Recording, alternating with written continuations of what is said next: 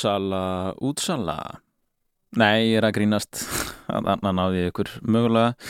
Þetta er ekki samlegsnar auðlýsingar Þetta eru sumarsögur sem hilsi ykkur uh, sunnudaginn 12. júli Ég heiti Jakob Birgisson og er þáttastjórnandi. Ég er með ykkur alla sunnudagi sumar og það er nú bara dásamlegt að vera með ykkur kæru hlustendur hér á sunnudugum. Þetta eru þetta gleðið dagar í hugum sumra en, en erfiðir hjáðurum þeir sem glíma við þinguna það eru þetta alveg hræðilegt að vera þunnur á sunnudegi þannig að ég segi bara að það er aldrei of seint að hætta að drekka en ég ætla ekki að vera með einhvern áráður hér. Það er byrjað að rigna og uh, það er bara ágægt held ég. Ég að þetta sé fínt fyrir uh, gróðurinn en ég ætla aðeins að fara við viður og horfur uh, næsta sólarhingin Suðvestlæg eða breytileg átt 3-10 metrar á sekundum hvassast norðvestan til. Ryggning eða súld með köplum en úrkomi lítið um landið norðaustanvert framanaf Skúrir þar síðdeis í dag sumstaðar helli dempur hæg breytilega átt á morgun og skúrir í flestum landslutum hiti 10-20 stig yfir daginn.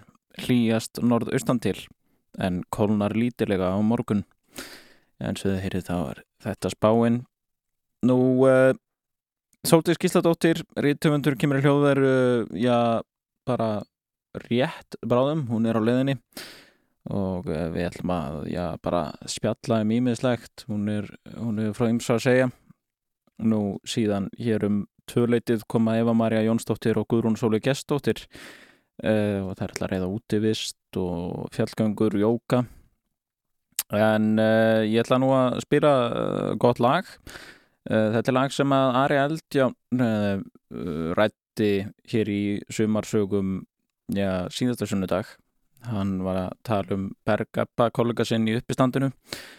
Um, og þetta er sem sé þannig að, að þegar Bergureppi var að byrja með hljómsettina Sprengjuhöllina þá kom hann í heimsók til Ara Eldjáts og uh, glamraði þann á gítar fyrir hann og, og, og söng þetta lag. Og Ari Eldjón hafði nú ekki mikla að trúa á, á sínu manni þannig og, og svona eiginlega vortkendi Bergjepa fyrir að vera að reyna þetta yfir höfuð.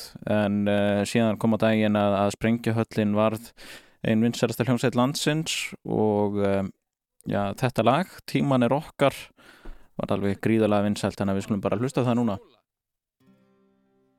Ertu ekki vinkona hans Óla?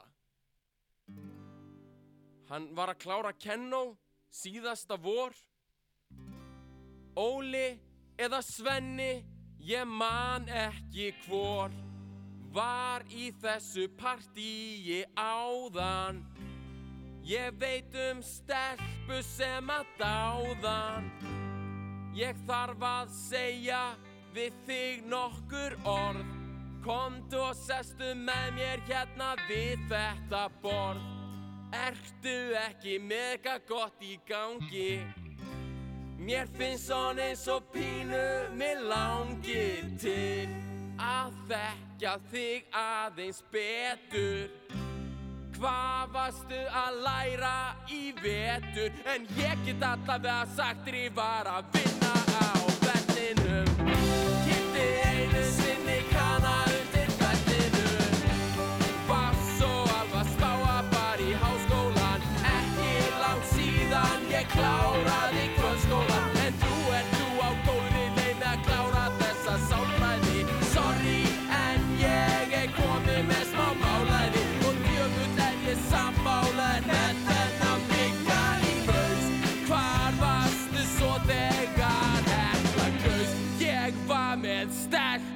sem ég linda. Þetta er langt síðan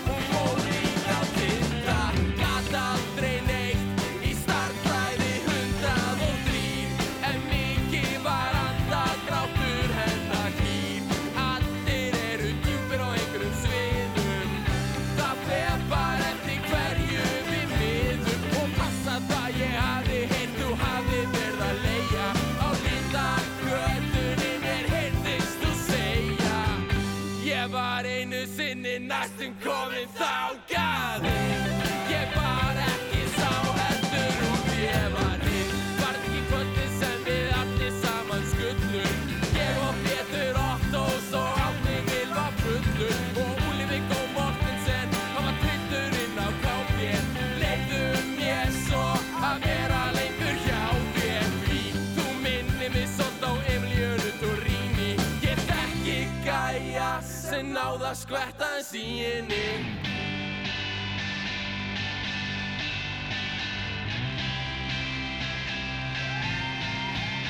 Og þú veistum að ég þekki þig frá þúsund miljón leiðum. Við erum komin af fólki sem bjóð á heiðum sem eins og 53 kynnslóðir. Sigurður bani fápnis 20 og eitthvað mismunandi tegundir efnis. Þú veist að það er laungu, laungu, laungu búð að greina allt. En það eitthvað skrítið þó að mér finnir skall Sjáðu svo til þess að ég fá að koma aðeins nætt þér. Við erum hvort sem er einn og sami hluturinn. Það ger ekki það mig og þú ert meira en fyrir fram að mig. Og það verður svo gott. Ha ha ha ha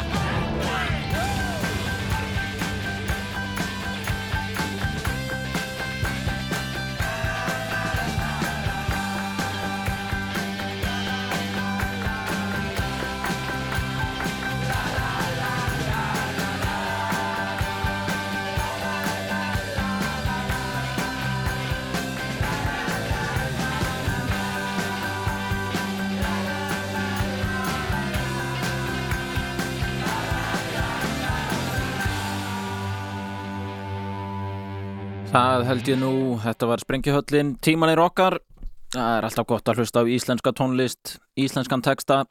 Þetta var alveg stórkustlegt en uh, næsta lag er eftir uh, ágættan mann, hann heitir Kanye West. Mér skilst að það sé bóruð þannig fram uh, Vestanhafs. Hann hefur nú verið að tilkynna um forsetaframbóð, hann hefur reyndar gert það nokkrum sinnum en, en nú nýverið tveit hann að hann ætlaði frambóð núna 2020 Uh, eins, og, eins og flestir vita þá er Joe Biden þarna fyrir hönd demokrata og, og Donald uh, J. Trump er sjálfsög fyrir republikana en uh, hann ætla þá bara í einhvers konar sjálfstætt frambóð ég hef nú verið að fylgjast með fréttum þarna vestanhafs og þeir segja hreinlega að hann geti raun og verið ekki búið fram í öllum ríkjum en, en þó einhverjum en það er samt alveg örlítið vandamál þannig að við sjáum nú til um hvort að Kanye West verði þarna á kjörsölum en Elon Musk uh, hinn ágætti maður hefur nú strax líst yfir já, stuðningi við uh, Kanye. En við ætlum nú bara að við, við erum ekkert að, að að velta okkur ómikið upp úr því. Við skulum bara hlusta á, á tónlist þess að ágætta manns. Þetta er lagi Stronger. Stronger. That, that, that, that, don't kill me, only make me stronger. I need you to hurry up now, cause I can't wait much longer. I know I got to be right now, cause I can't get much stronger. Man, I've been waiting all night now, that's how long I've been on ya.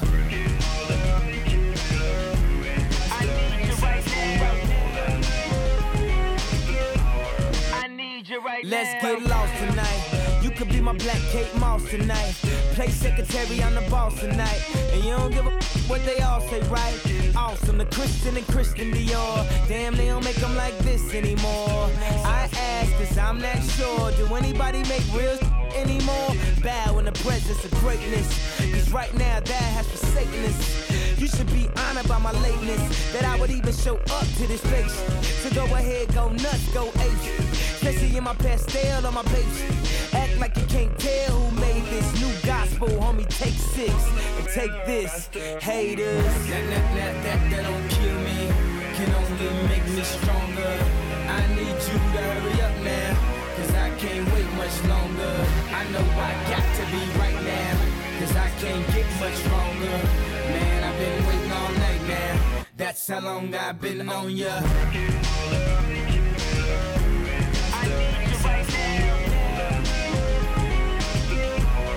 Me like it. Right I don't know if you got a man or not.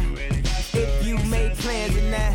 If God put me in your plans or not. I'm tripping this drink, got me saying a lot. But I know that God put you in front of me. So how the hell could you front on me? It's a thousand yous, it's only one of me. I'm tripping, I'm caught up in the moment, right? Cause it's Louis Vuitton dine night. So we gon' do everything the kind like. Heard they do anything for a Klondike. Well, I'll do anything for a blind. And she'll do anything for the limelight. And we'll do anything when the time's right. Uh, baby, you're making it. Faster, stronger. Oh, that, that, that, that, that don't kill me.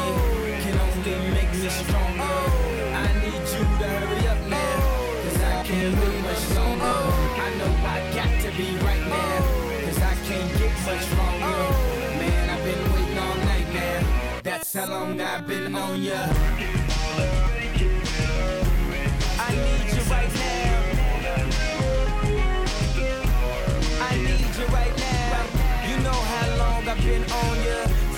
Was on Apollonia. Since OJ had isotoners. Don't act like I never told ya.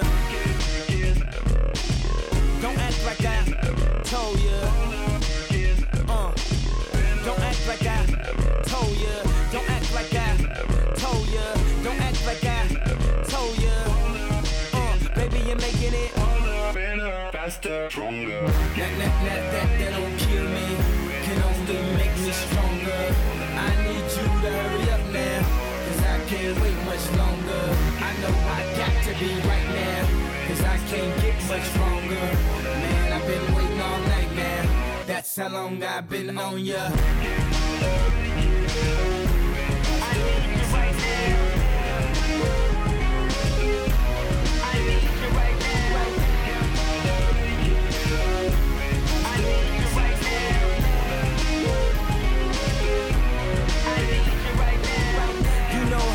I've been on ya. Since Prince was on Apollonia. Since OJ had isotoners. Don't act like I never told ya. You know how long I've been on ya. Since Prince was on Apollonia. Since OJ had isotoners. Don't act like I never told ya. Já, það held ég nú þetta var uh, Stronger með Kanye West uh, Já, við ætlum í annar lag Ég er hér á, á tökunum. Herðu, við ætlum að hlusta á annar lag. Þórdís Gísladóttir er hér rétt handa við honnið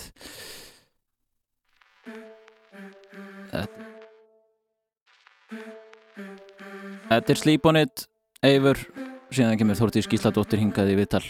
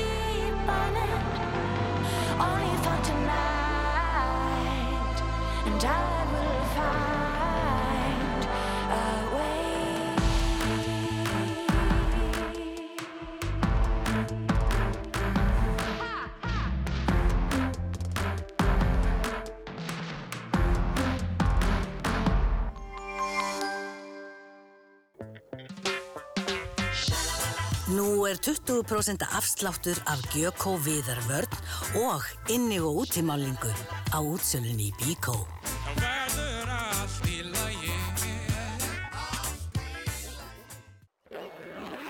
Fjölskyldan nýtur samverunar í tjaldútilegu á Norðurlandi. Tjaldsvæði Hamrar í Kjarnaskógi, tjaldsvæði Heiðarbæ Reykjakverfi, ferðarþjónustan Himnasalir er tjaldsvæði og bílahúsasvæði og tjaldstæði Landeyri. Þú finnur okkur á tjalda.is. Leðslutæki, strömbreytar, tröppur, hliðarspeklar, kælibóks og bara allt sem þú þart í húsbílinn, hjólísið, fellísið, tjaldvagnin og já, tjaldið. Kondur bara í bílanust. Hann neldi sönregin alveg á mígandi strippi. Ó, það er svo gaman. Veiðiflugur, langholtsvegi. Sumarið er þitt í góðu sambandi um all land. Fáðu tíföld gigabæt í farsíma fjölskyldunar með heimilispakkanum. Þú getur meira með símanum.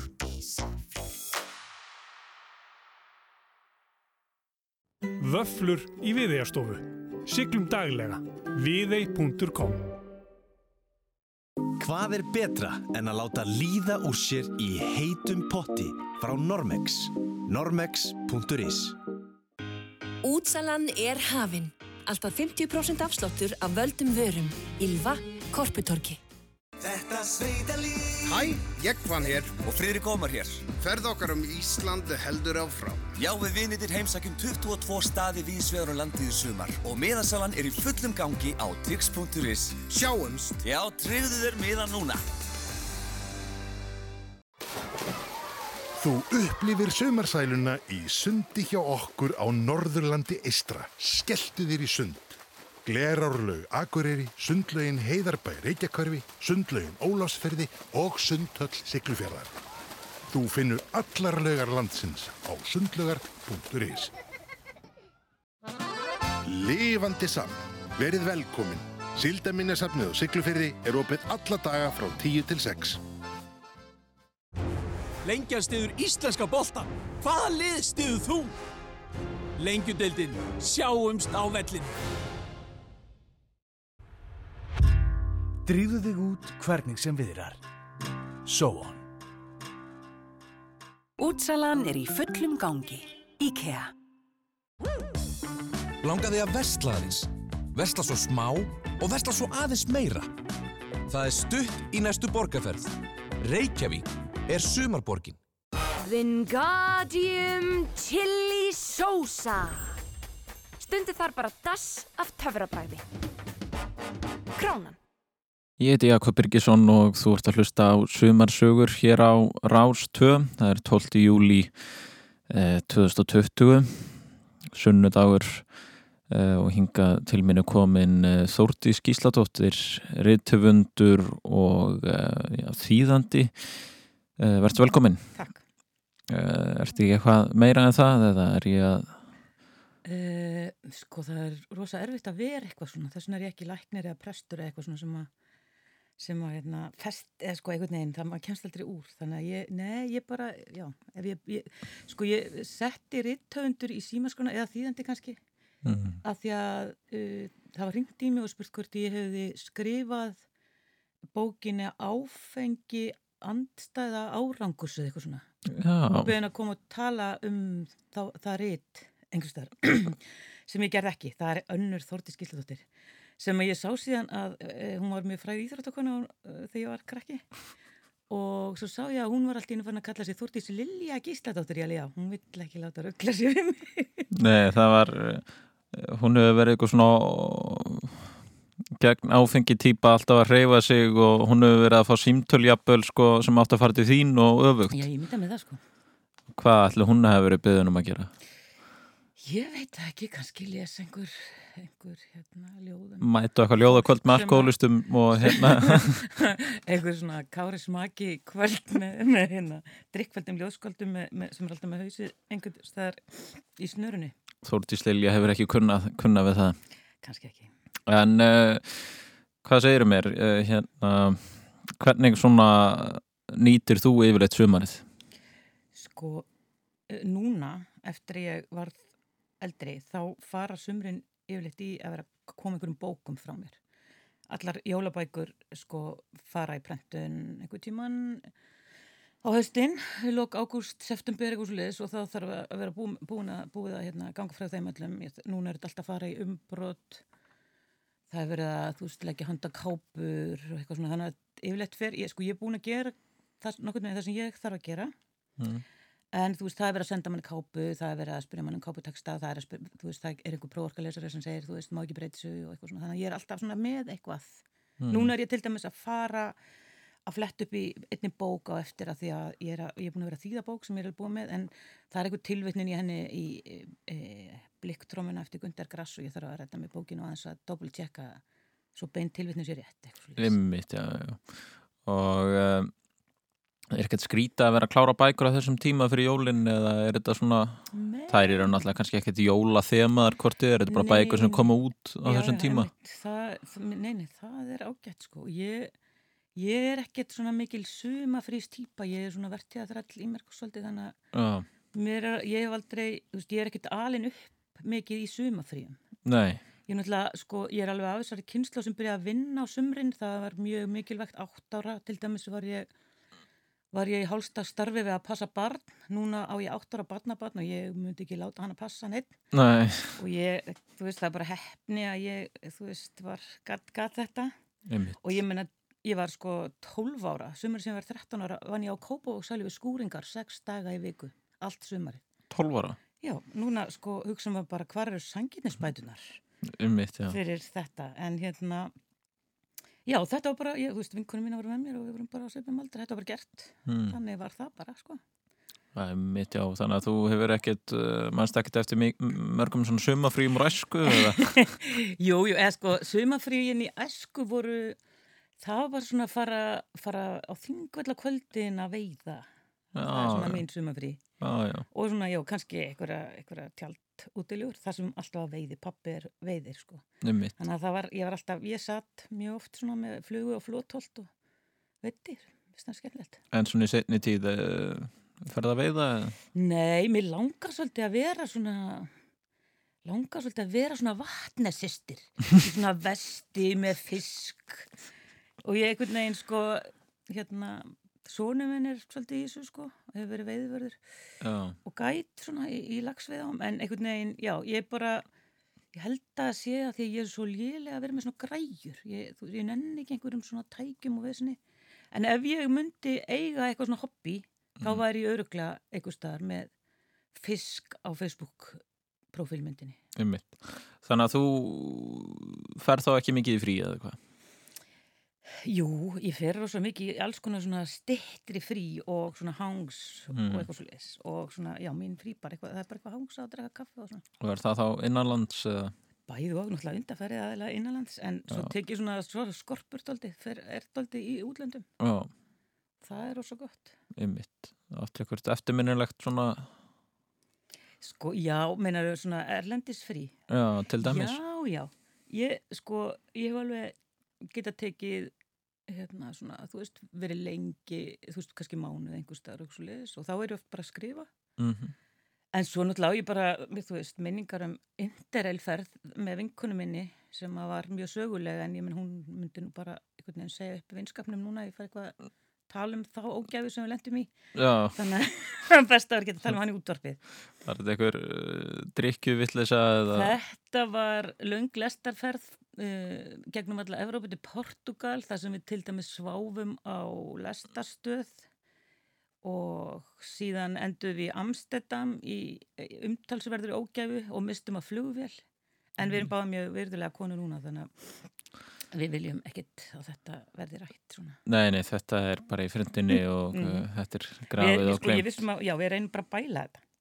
Einmitt, já, ertu mikið í því að bæla niður? Já, ég, ég tals með bælingar sko. Já. Í alvörinni. Mér finnst sko, ég er hérna, já, inna, ok, þ- það er mjög gott vissulega að fólk harki ekki af sér og svona. En hérna, æ, samt. Fík varnakli. Stund, stundum hugsa ég bara, jæja, hvernig væri nú þess að bera hló- hljóði, elsku vinnir. Það er, þetta er orðið svolítið mikið stundum hérna, veist, vandamál fólks. Þú ert þá að tala um svona þessi helsuðu viðtöl við Já, við fólk bara sem á við einhver þunglind að kona sem að þrjú börn og eh, eitt er, er e eitthvað bilað og, og maðurinn hennar fór frá henni Nei, fyrir nei. aðra konu og Það er náttúrulega, er alveg, það væri alveg, en stundum fyrst mann þetta vera einhvern veginn svona, já, eitthvað svona, er kvíðina kvöldin dæmi. já, eitthvað svona doldið þannig. Og Ég maður mynd- hugsaður, þú veist, bara þjáðist af prófkvíða og maður bara, op, op, op, op, op, er einhver sem hefur ekki lendið því? Já, einmitt. Bara, ó, varstu kvíðin fyrir próf. já, og maður hugsa bara, já, ok, kannski gott að fólk segi frá þessu og leiti sér hjálpar, það er eitt. En stundum hugsa ég bara, jæja, við skulum, þú, þú, þú, getur ekkert lifað án þess, þannig að Já, þannig að þú ert svona bara panodil og, og bað frekar, sko. Já, einmitt. Eða, já, einmitt, eitthvað sliðis. Já, ég er svo sem alveg sammálaður í því þó sem ég kannski gerir nógu að því að, tala um að ég sé þunglindur á kvíðin eða, eða hvað sem það er nú svona já, hverju sinni. en er ekki máli bara, ég hugsa alltaf bara, er ekki allir eitthvað þunglindur og kvínir eða manniskir eða, eða eitthvað? eða bara ótrúlega þrykkföldir eða, Nákvæmlega, og, og þú veist, eða og íþróttafræðingar gott, Það er, jú, eða, og gott að leita sér hjálpar, en, en hérna, kannski meira, jú, jú og hluti af því náttúrulega er að gangast við öllum þessum göllum og uh, kostum og hvað þetta er, öllum þessum eiginleikum Já. en hérna mér finnst allavega að núna er svona kvíði að nýja venjulega. Mhm. alveg pott þetta sko nú er ég drepin fyrir að vera tala ítlum fólk og kann, mér eru kansilegar og svona en þú veist, já. Nei, nei, við erum bara veist, það er enginn að taka þess svo mikið inn á sig held ég. Þetta er nú bara rást tvö allra landsmanna held Já, ég sko. já. en uh, sko þú, en, þú eru líka búið eitthvað í útlöndum eða ekki? Jú, jú, jú, ég bjó uh, ég hérna, já, ég bjó í bandaríkjunum á tímabili uh, kringum 1990 Já, uh, ég eitt og allt ár þar sem ég var bara með að hugsa um pínlítið börnin mín. Hvar var það í Það bandaríkjum? var í New York á Long Island Mm. sem er mikið svona nakkasvæði Já, allar konurna voru með svona ljóna hárgræslu einhverjar og, og hérna ég fór einmitt í klippingu þar og þá, þú veist, það voru allir í steinþögnum gallabuxum einhvern veginn með svona fly fly hár eitthvað og ég ætla ekki að verða svona þannig ég fór í klippingu og, hérna þetta var eitthvað bæ sem heitir Port Jefferson sem er svona gammalt kvalveði bær Mm.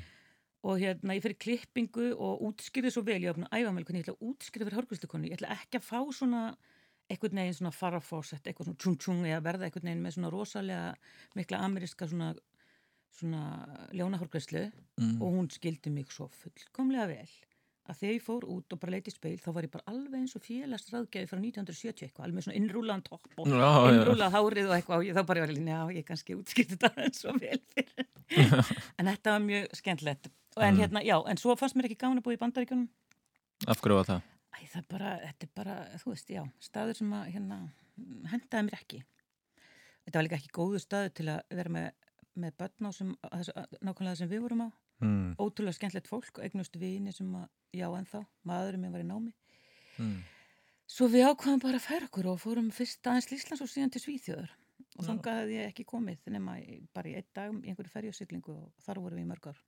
og þú kunnur betur við Svíþjóð þá en uh, hendaði mér allavega betur svona á því, á því Mm. skeiði sko, rosa fint að, já, að- það er allavega allir góði við bönn þar og maður þarf ekki að vera á bíl sem er mjög leðilegt. Já, þú, þú hefur ekki gaman að bílum Nei, sko ég, finnst alltaf að ég svona skreppa eitthvað á bíl en ég Mm. vil ekki að bíl sé svona forsenda daglegs finnst það óþólandi. Þú býrð þarna nokkuð miðsvæðis eða ekki og þú svona röldur um og Jú, jú, ég náttúrulega get svo sem alveg búið hvað sem er. já, En hérna, ég var alveg til, ég var til dæmis hérna, ég er búin að nýkomið frá Eirabakka, sem ég var í pínlutlum kofa sem að ríttöndasambandið á.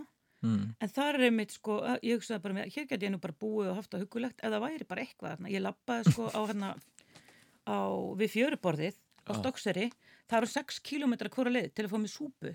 Já. Það var bara ekkert opið, þú veist, ég hugsaði bara já, hér geti ég búið það væri, sagt, eða væri eitthvað einna. Já. Til dæmis lítil vínbúð og lítil blómabúð og lítil fortsala eða eitthvað, þú veist, bara eitthvað svona kaffihús, eitthvað svona. Það er bara enda veitingahús, en það er bara opið einhverja daga í viku. já því, þannig að því var ábúta vant Já, þannig að þú veist, það þarf að vera eitthvað svona, og ég held sko að búa svona miðsvæðis í Reykjavík, Ég held að fólki sem býr miðsvæði sé mest svona típurna sem geta búið í einhverju þorpi, þú veist, einhverjum kardimómubæm, af því að Já. þá getur maður að lappa út í krambúð og, og, eða út í bakari, eitthvað svona, þú veist, og ég hef reynda búið í breiðholtinu fyrir mjög löngu og það var svona doldið svona stemming þar líka. Þá var ennþá svona lítið búið í hólagari og það er sundlega og Það er náttúrulega nokkuð þétt hverfi. Já, það, finnst það næst. Þar fór, þú veist, ég fór oft í bókasafnið, fór oft í sundlegina þar og eitthvað svona, veist, það þarf allavega að vera eitthvað svona, þar var hægt að vera að vera alltaf á bíl og frekar góða stræt og samgöngur. Um mitt.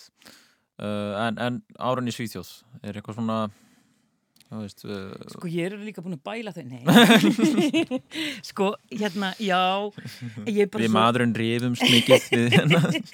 Nei, svíjar náttúrulega alveg sér á parti, veist, þeir eru svo passífir og, og hérna, hrókafullir. Já, er, er það? Ríkalega, sko. Og sko, einhvern veginn íhaldsamir í þessum sósíal, svona, þú veist, í, í sósíalismannum, sko, eða hvað þetta heiti, kratismannum sínum. Já. Þú veist, ég, menna, ég var hérna, í námi í norrannum fræðum og kennsluskráin grínlöst, ég menna, háskólan var stopnaður eitthvað 1477 og ég var bara stundum kennsluskráin hérna, hlýtur að vera bara frá 1480 eitthvað, þú veist, það er einhvern veginn allt svo rosalega lítið að breytast svona, Mm. sem er gott, af því við erum alltaf hérna að hlaupa upp á einhverja vagna og breyta öllu og eitthvað. Mm. En, en hérna, ég var alveg, mér finnst þetta bara orðið gott, ég elska Svíþjóð og reyna að fara sem oftast þangað og, og svona, en, en hérna, það er alltaf, allt best þar.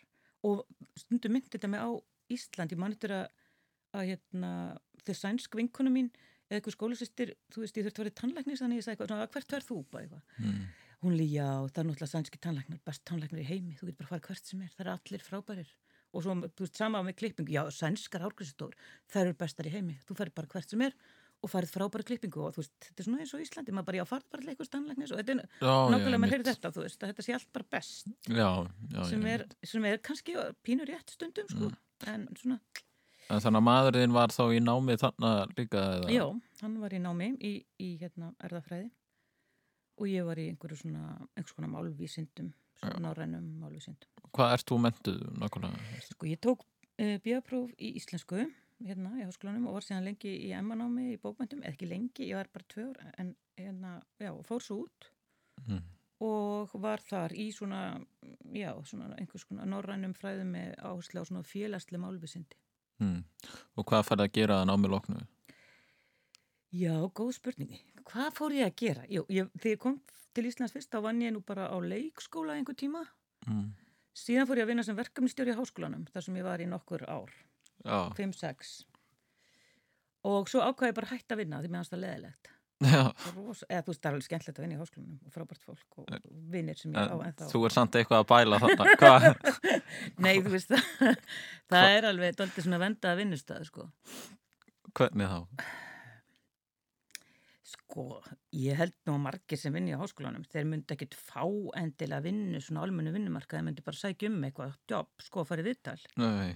Það er rosalega mikið að skrýtni fólki, sem er náttúrulega bara gott Já. og þá þarf að taka tillit til þessa fólks. Einmitt. Það maður er bara skipilegja ráðstöfnu svo allt í henni verið búin að setja einhvern, þú veist, Jón Jónsson á dagskrá á, hérna, mælendaskrá einhverju pallbóru tíu morgun og þá allir, nei, nei, nei, hann getur ekki komið fyrir en eftir hádegi. Og maður bara, já, hann, þú veist, þetta er málstofa um, hérna, þú veist, það sem hann er að skrifa Mm. alltaf um. Þá bara, já, það verður að breyta því og eitthvað svona, þú veist, maður bara, halló, nei, hann á bara í vinnuna. Þetta er, þetta er rosa mikið svona. Allir einhvern veginn, já, tippland á tánum hver kringum annan og þú veist, einhver gat ekki verið, e, þú veist, mátt ekki hittast að því að einhver hafði stungið undan einum, einhverjum öðrum árið 1970 eða eitthvað. Já, já. Þú veist, og þetta er skemmtilegt, sko, en getur verið svolítið þreytandi. Já, þannig að þetta er svo sem alveg náttúrulega lítrikir í karakter en þú mm, var svolítið leið á því að vera í einhverju svona hálfgerðu Já. umönunarstarfi þá. Nei, eða? ég veit ekki, nei, þú veist, var ég bara ekkert nógu góð í þessu, sko. Það er eitt líka. Eða Mm. Ég er ekkert sérlega svona, þú veist, það þarf að vera einhver skipulögð manneski í þessu starfi sem ég var í, sem var, var finnst starf og allt það, sko. Og það er ég ekki, þannig að, já, og svo finnst mér ekki gaman að mæti vinnuna á einhverjum ákveðnum tíma og fara heima á einhverjum ákveðnum öðrum tíma. Nei. Það er rosalega leðilegt og þannig að hérna já, þannig að ég bara hætti vinnunni og það trúði enginn, einmitt að ég ætlaði bara að hætti, ég saði bara upp og sagði já, ég hætti og svo var enginn ráðinn fyrir mig svo bara þegar ég er að hætta þá er alveg, nei, nei, nei, nei, nei, nei. Og þá var allt í einu eitthvað svona, heyrðu, viltu ekki bara fá vinnu í staðin einhver staðar á einhver annari skrifstofu eitthvað? Og ég bara, nei, nei, ég ætla bara að hætta að vinna, mér sleiði þetta og svo hætti ég að vinna og uh, hef ekki unni, nei hef ekki unni ærlegt handtaks. Hvaða ár var þetta? 2006 en síðan hef ég reyndar alveg eh, sko, þá fór ég að vinna ímislegt, ég vann á auglýsingastofu um tíma, var svona svolítið að leysa af í hinn og þessu sem er skemmtilegt, það var mjög skemmtilegt. Þetta var árunum þegar þegar menn voru mikið að drekka kristal og taka kókain, kannski eru þeir ennþá því, ég veit það ekki Já, og hérna rétt fyrir hún, já, örglega ég held að menn hafa ekkert bara hætt í allt í einu. það var svona dóldi rakspýra líkt hana Mm. e, svo var ég að kenna eina enn í Hamralíð, lest þar af Mm. og sannfarðist um að ég er ekkert sérlega svona hæfi að vera kennari sem ég vissi svo sem fyrir Mm. Og svona já, gerði alveg eitthvað, ég hef gert svona ímislegt en svo fór ég að þýða bækur og þýða, ég var reyndir að vinna svona í ymsum þýðingum fyrir hinn og þessa, svona eitthvað ráðuneyti og eitthvað, eitthvað og fór síðan að þýða bækur og svo svona smá saman fór ég líka að skrifa bækur. Þannig að auðlýsingastofan var þannig ágætt uh, svona þá þurftur ekki að mæta frá 9 til 5 Jú, jú, ég mætti bara frá 95 en það sem er gott við að vinna auðlýsingastofu sérstaklega með svona textamanneskja Mm. Ég hef svo sem alltaf verið að skrifa það er nú skemmtilegasta sem ég gera er að skrifa eitthvað. Ég get alveg skrifa fundagerðir og svona, það var skemmtilegt í háskólanum. Mm.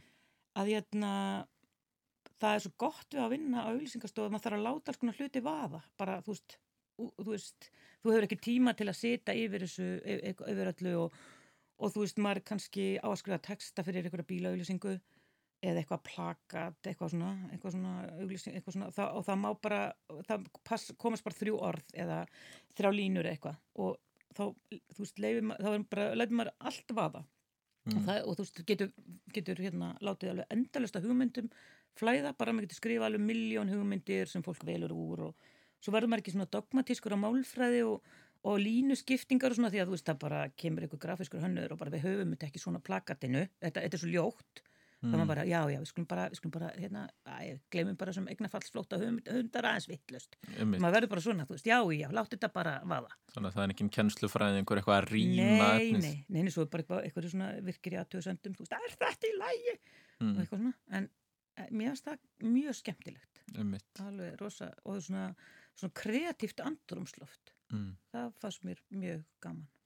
En þú hefur svona eins og ljóðin þín og svona þetta er svolítið svona oft um hverstagsleikan myndir ekki segja það? Þetta er svona Jú, jú, ég myndi segja það. E, sko, ég, hérna, mér fannst nú ljóð og finnst bara svo mörg ljóð leiðileg. Já. Og hérna, ljóði er ekkit sérlega skemmtilega oft.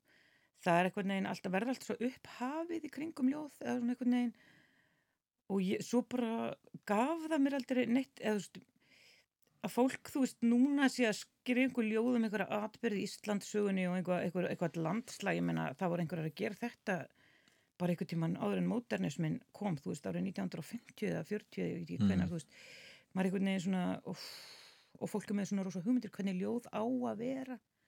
En svo hefur alveg ímislegt gerst og, og koma alls konar, þú veist, hljóðu ljóð og alls konar sem ég kynntist aðeins svona, einhvern veginn, nýhílu var með alls konar skemmtilegt hljóð, ljóð. hljóðljóð, það er svona Eirikur Örn hefur svolítið verið í því og fleiri, mjög skemmtilegt. Mm.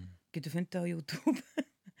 Og já, eitthvað svona annað en ég held að ég, mín ljóð eru sko kannski aðalega svona undir áhrifum frá, frá skandinávskum konum sem að uh, hérna einin og nýt áinn, Kristina Lund sem að var í Sænsku Akademínu og kynntist bara óvart uh, þegar ég var í Svíþjóð og svo bara danskar kannski og sænskar skaldkonni sem eru, eru voru að skrifa bara því ég var eða ég kynntist bara því ég var úlingur sem ég var Víta Annesen heitir einn og dansk og, og fleiri svona finnskar og sænskar eitthvað þetta var eitthvað sem talaði til mín Mhm. ég er náttúrulega svona social realisti þannig að Ekki þetta er svona háfleg típa.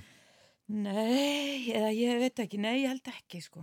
Nei. Samt hef ég mjög mikið áhuga á svona fortíðinni, ég, ég, þannig að þetta er svona, þetta slæðir í, úr og í með þetta, sko. Einmitt, já, þú hefur verið í svona alls konar blaða úrklippum og þú ert mikið að skoða svona gömul tímaritt og Já, ég hef áhuga sko á, á hérna, uh, gamlum, já, bara, ég mist sko til dæmis svona Reykjavík á árunum, um, á bara, já, á bara fyrir hluta 20. aldar finnst mér rosa spennandi staður einhvern veginn og svona ég bara hef, já, ég hef bara áhuga á svona, sög, svona sögu alþýðu fólks.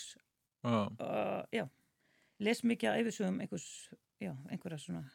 Það mér finnst það mjög skemmtilegt. Og bara, já, hvað var að gerast? Og margt svona margt er svo tínt merkilega svona horfið sem að bara eins og, já, að því mér langar að spila hérna lag með Elsu Sigfús Mm. sem að var söngkona sem fættist eh, 1908 og hún er líklega sá íslensku tónlistamæður sem er sungin á flestar plötur.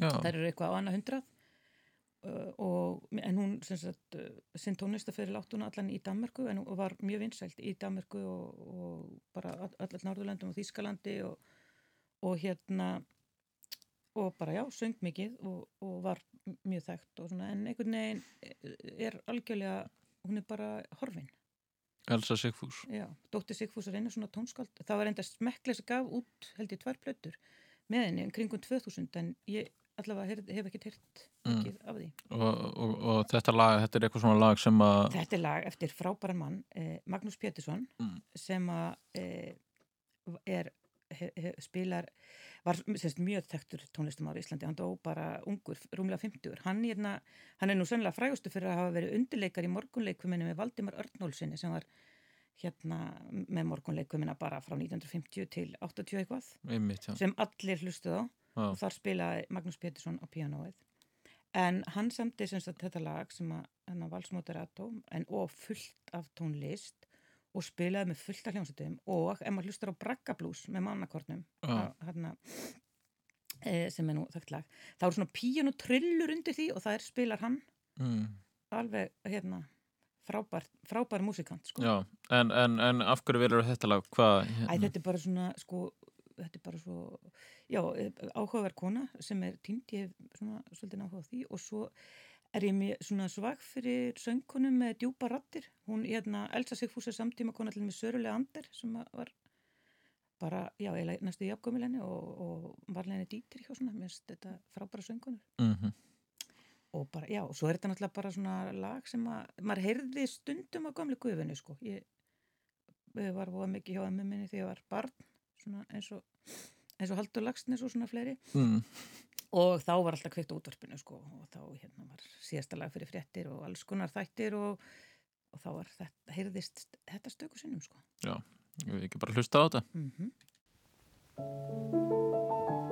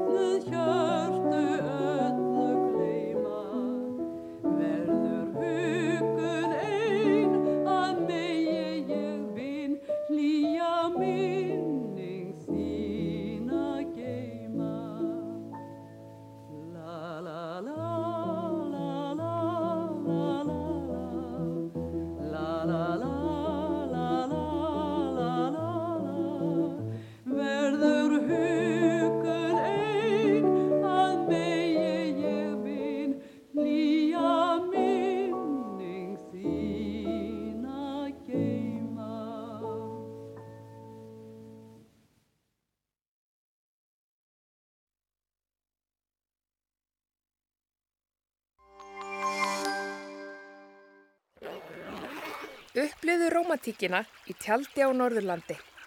Tjaldsvæði Sveinstöðum, tjaldsvæði Sistragil í skjóli trjáa við Lindina Hjalandi, tjaldstæði Vaklaskógi, tjaldsvæðið á Þórsöfn og tjaldsvæði Bakkafyrði. Þú finnur okkur á tjalda.is. Vissið þú að Timbursala Báhás er opinn til 7 öll virk kvöld og til 6 um helgar. Báhás, mikið úrval, gæði og lágt verð alltaf. Útsalan er hafin. Alltaf 60% afsláttur. Vörur sem ebla hilsu, auka lífsgæði, auðvelda störf og daglegt líf. Eirberg Stórhöfða, Eirberg Kringlunni. Fyndu gæði á hverju götuhorni í Brussel. Borg Sælkerans. Bókaðu þitt flug á icelandair.is Já, þetta eru sumarsögur uh, Þórdís Gísladóttir Rittöfundur er hér hjá mér og við vorum já, ræðið ímislegt uh, meðal annars að hún hætti í háskólanum á sínum tíma vegna þess að henni litist að já, mæta í vinnuna, henni fannst ekki gaman henni fannst betra að geta já, bara unnið heimi á sér eða, hvað sem er uh, átt erfitt með þetta. Þú talar um að þetta er erfitt með skipulag og svona. E, sko, já og nei. Ég, hérna, ég, þú veist, kem aldrei á seint og ég uh, týni aldrei neinu. Ég menna, ég með horspennu hérna sem ég fekk í jólagjöf þegar ég var 19 ára mm. og já, hérna, lítið skrújátt sem ég fekk þegar ég var 11 ára og er eða alltaf með töskunum svona til að skrúa, svona, skrúðnar í glerugunum. Þetta er svona Mm. pínu, pínu lítið skrújátt sem að fylgdi með einhverjum hérna, einhverju náli plötuspilara held ég einhver tíma sem að, þú veist En svo komst ég reyndir að því, ég komst að því, já, að uh, líklega þá er þetta hérna eitthvað svona ADHD enkenni Mm.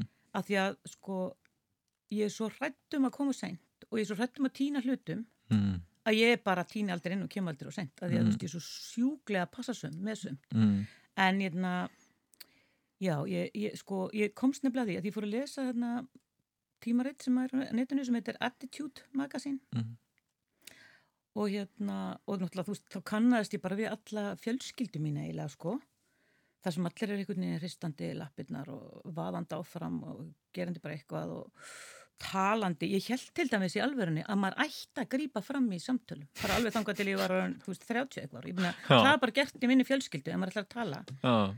og hérna, þú veist, svo komst ég og, og þú veist, ég skrifaði bara alltaf á þetta svona stór fjölskylda, þannig að þú veist, þú þarf bara að grípa fram í og ætlar að segja eitthvað. Mm.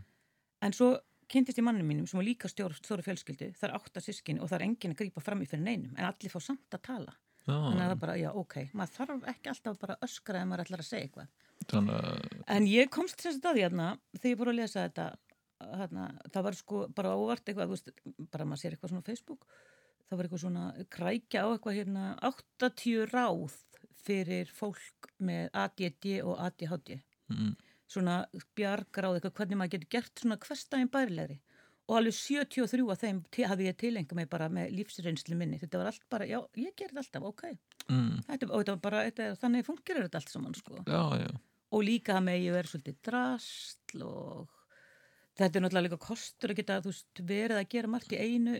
Þú veist, ég er rosalega handfljót og þú veist, ég er svona þegar að gera eitthvað þá svona ringsulegi kringu það svolítið lengi. Og svo tekur enga stund svona Mm. þetta er bara mjög gott og þetta er líka örgulega bara mjög gott hefur verið gott svona í gegnum tíðin á Íslandi að fólk sé bara fljótt að þú veist, rifja og raka og inn með helvitis hegið Mhm. þú veist, og gott líka geta hangið lengi og hort út um gluggana því að það er hríð kannski í nokkra mánuði mér, mm ég á bara mjög auðvelt með það líka sko. Þannig að þú hefur lært að uh, hvað, getur við sagt? Já, bara, þú veist, lifa með þessum eigin leikum og, og hérna, já uh, en ég á mjög erfitt með að gera hluti sem er sleðilegir og það, það er miklu auðveldar núna en til dæmis þegar ég var í unglingavinnunni og þú veist, þurft að fara út á mótnana Já. eitthvað tína síkartustuppa eða, eða þú veist, gróðu sitt eitthvað trí eða eitthvað sem ég anstur og svolítið leðilegt þegar ég var unglingur, þá bara gekk ég grátandi niður holtskötunni hafnafyrði eitthvað á leðinni í bæ að því bara mér finnst þetta óbærilegt sko. þá var ég alveg bara, þetta er ekki hægt sko. Núna myndi ég til dæmis segja bara ég er svo kvíðin ég get ekki fara á fætur og, og Mm. því er þið tekið fagnandi, veist, það var bara ekki til Já, þetta, þetta var alltaf mis, veist, eins og mentaskóla árin hjá þér. Já, þau voru hræðileg. Já. Ég hætti nokkurum sinnum, sko, í mentaskóla. Já, ok. Ég sko, ég er rosa góð í, ég fekk alveg velun, sko, í grunnskóla og ég er mjög góð í því sem ég nenn að gera. Mm. En svo bara get ég ekki sem gert sem hluti, sko, bara algjörlega, eða þú veist, en Hvaða mentaskóla veist ég? ég var fyrst í Flensborg, ég hætti tvisvar og í setna skipti fór ég aldrei aftur, ég fór það út í fússi og hérna og bara hef aldrei komað inn síðan Mm. og hef, hef bara einhvern veginn ekki talað um þetta sko og ég meiri sér að fór að tala við námsráðgjá og það var eitthvað nýtt fyrir bæri Já. og að því þú veist ég, ég var svo eitthvað mis eitthvað, þú veist Mm. uh, og ég veit ekki, ég man ekkit ég veit ekkit hvað ég sagði eitthvað við hana eitthvað svona en hún fekk bara hlátuskast Mm. og bara, hún var bara, bara komið með einhvern hyggsta hlátri, ég er einhvern veginn eitthvað 17-18 ára eitthvað og bara. Mm. og hún bara, þú veist, þetta var bara eins og ég var eitthvað skemmtikraftur þannig ég fór bara út sko. Mm. svo hérna, já, hætti ég það var alltaf eitthvað verkföll og þá nota ég alltaf tækifæri og hætti í verkföllunum fyrir Mm. mig vinnu Mm. var hérna, já, eitt skipti fekk mér bara að vinna á einhvern leikskóla, annars skipti fekk, vinnu, fekk ég vinnu sem læknarittari Mm. Svo hérna ákvað ég nú að e, já, ég gæti ekkert unni svona að þú veist það er svo leðilegt þannig ég hérna uh, fór í kvannu og kláraði þar bara svona alveg á kristilegum tíma svona með ótrúlega margar einingar af því að ég þurfti að skipta um braut en bara árið síðar eða sko, já, já, bara tvítug sko þannig að En hvað, varstu lélega mæti í skólan? Nei, nei, nei, nei, nei, ég mæti alltaf og ég, þú veist, ég vakna alltaf svo snemma hvað sem er þannig ég var, veist, það, það er ekki vandamáli sko. Mm. Nei, nei, ég var ekki lélega að mæta sko, ég reynda að skrópa því svona strategist þannig ég var alltaf, þú veist, ég misti aldrei neinar einingar enni þannig. En það var ekki svona þessi vottorda menning hjá þér? Nei, nei, aldrei, ég fikk aldrei vottur í neinu. Ég reynda að skrópa því í leikfimi alltaf í, í kvennó, bara ég mætti aldrei, því ég var að vinna, ég var að skúra Mm. og hérna uh, mætti aldrei en svo stöndu vottorð á stúdensprófunu, ég held að þeirra bara ákveða að hafi týnst vottorðið eitthvað. Já, já. Þannig að það er eins og ég hafi að vera með vottorðið sem ég var ekki, sko. En hérna, já, þannig að ég man eins og þegar ég var í metaskóla þá var allir með vottorð sko, Mhm. bara fyrir þunglindi og Já, einhverjum já. geðkvöllum. Nei, nei, ég, það var ekki, það var ekki, ég, eða ég, kannski voru einhverju með vottorð, jú, Mm. líklega, en nei, ég hef ekki vottorð. En varstu þunglind? Já, já, öruglega. Ég var samt, þú var mikið að skemmta mér bara, Já. þú veist, bara fara ógislega mörg böll og svona, það var mjög skemmtilegt. Mm. Það var alveg, já, þetta er rosa góða vinkunum sem ég á ennþá, sko, Mm. og hérna, þannig að það var alveg svona, en hérna, já, já, það öruglega, þú veist, alls konar þunglindi og einhver svona, æ, einhver svona almenn svona unglingaleiðindi. Það var alveg, en það var mest partí bara. Þannig að þú ert... Ég er mjög mikið stemningsmanniski, þannig að rosalega, það sem er, ég er, er oft partí, sko. Mm, já, ok. Þannig að ég, þú veist, ég er rosalega úthald í svona jam. En þú ert þunglind. Nei, ég, er að Nei, tjókið nei, ekki. Nei, nei, það er allavega lungu, hérna, það er lungu allavega, sko, Æ, nei, sko, ég, ég er nú bara fýblast. Ég er meira svona, þú veist, ég meira svona, já, ég held ég sem meiri kvíðasjúklingur en þunglindisjúklingur, sko. Já, já, Mér dreymir alveg, þú veist, hjóli fram að bryggjum og svona. Hrapi fram að klettum og eitthvað svona, Mhm. þú veist, það er meira þannig. Mm -hmm. Nei, ég var bara svona að reyna að fá það til að játa eitthvað á þig. En, uh, sko, þú átt uh, sumarbústað, eða ekki? Jú, jú, ég á sem er í Reykjavík. Já, hann er hérna bara í postnummer 113 Já.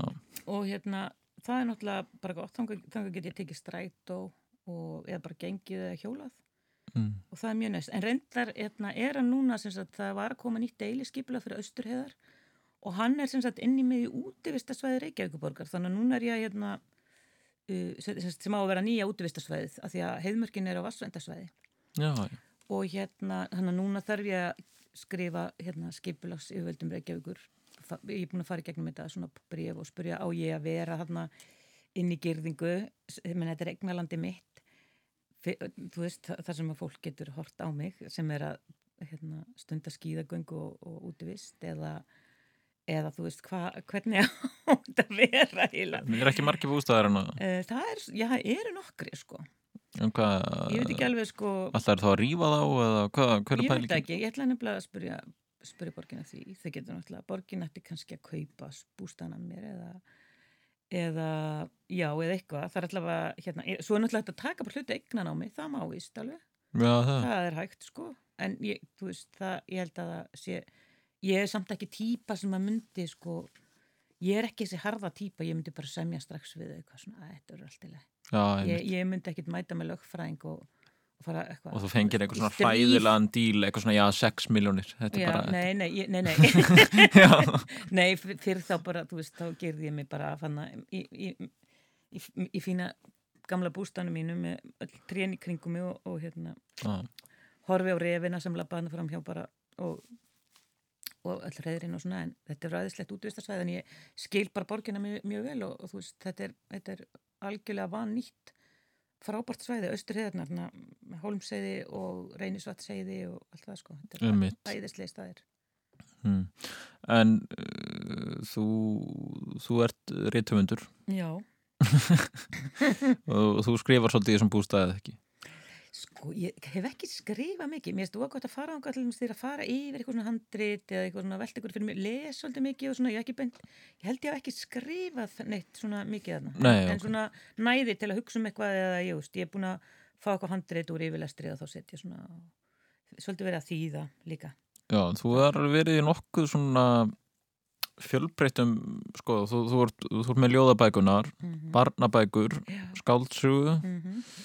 Þýðingar. Já, ungleika bækur við Hildu Knúts sem að koma með þriðju sameilu ungleika bókin okkar núna fyrir jólinn. Já, Og svo er ég búin að þýða alls konar bækur bara, um, skáldsögur og leikrit og alls konar krimma og öðruvísi bækur og hitt og þetta sko. mm og hvað svona, hvað langaði helst að vera, sko?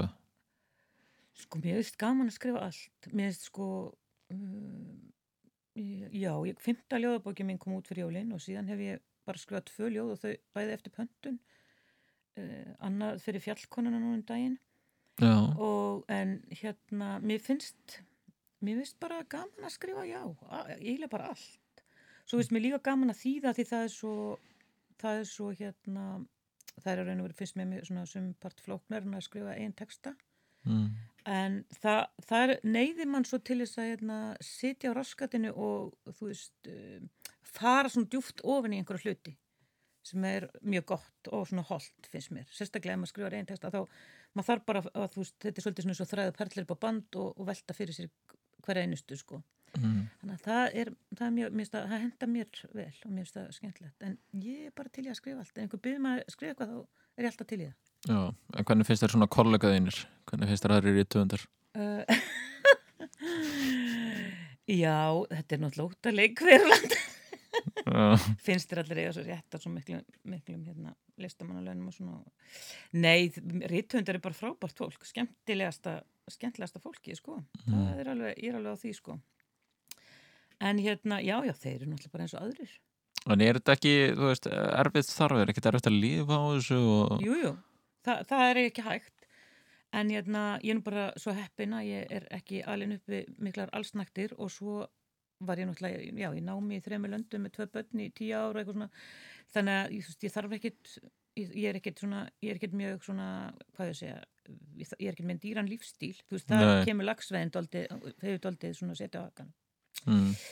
En uh, jú, það er eiginlega ómögulegt að lifa á þessu en þess vegna er langt að skrifa ég rosalega mikið og þýði líka og svona, ég er búin að skrifa, ég veit ekki, ég held að ég sé búin að skrifa svona 15 bækur eða 17 eða eitthvað á 10 árum og ég er búin að þýða 20 og eitthvað Já, þannig að þú ert alltaf að vinna. ég, bara, ég er svolítið mikið að, eða þú veist, maður svona bætir upp hérna, og þú veist, að skrifa ljóð, þú fær aldrei neina peninga fyrir það Nei. en maður fær stundum sko listamann og laun ég svo sem aldrei fengi heilt ár en einhverju mánuði. Og svo bara, já, svo bara einhvern veginn júðast maður áfram í þessu. En þú veist, ef, ef þú ætlar að vera ríkur þá ertu, þá er, þú veist, þá, ég verð það aldrei sko, ekki svona í þessum hefðbundna Nei. hefðbundna skilningi sko.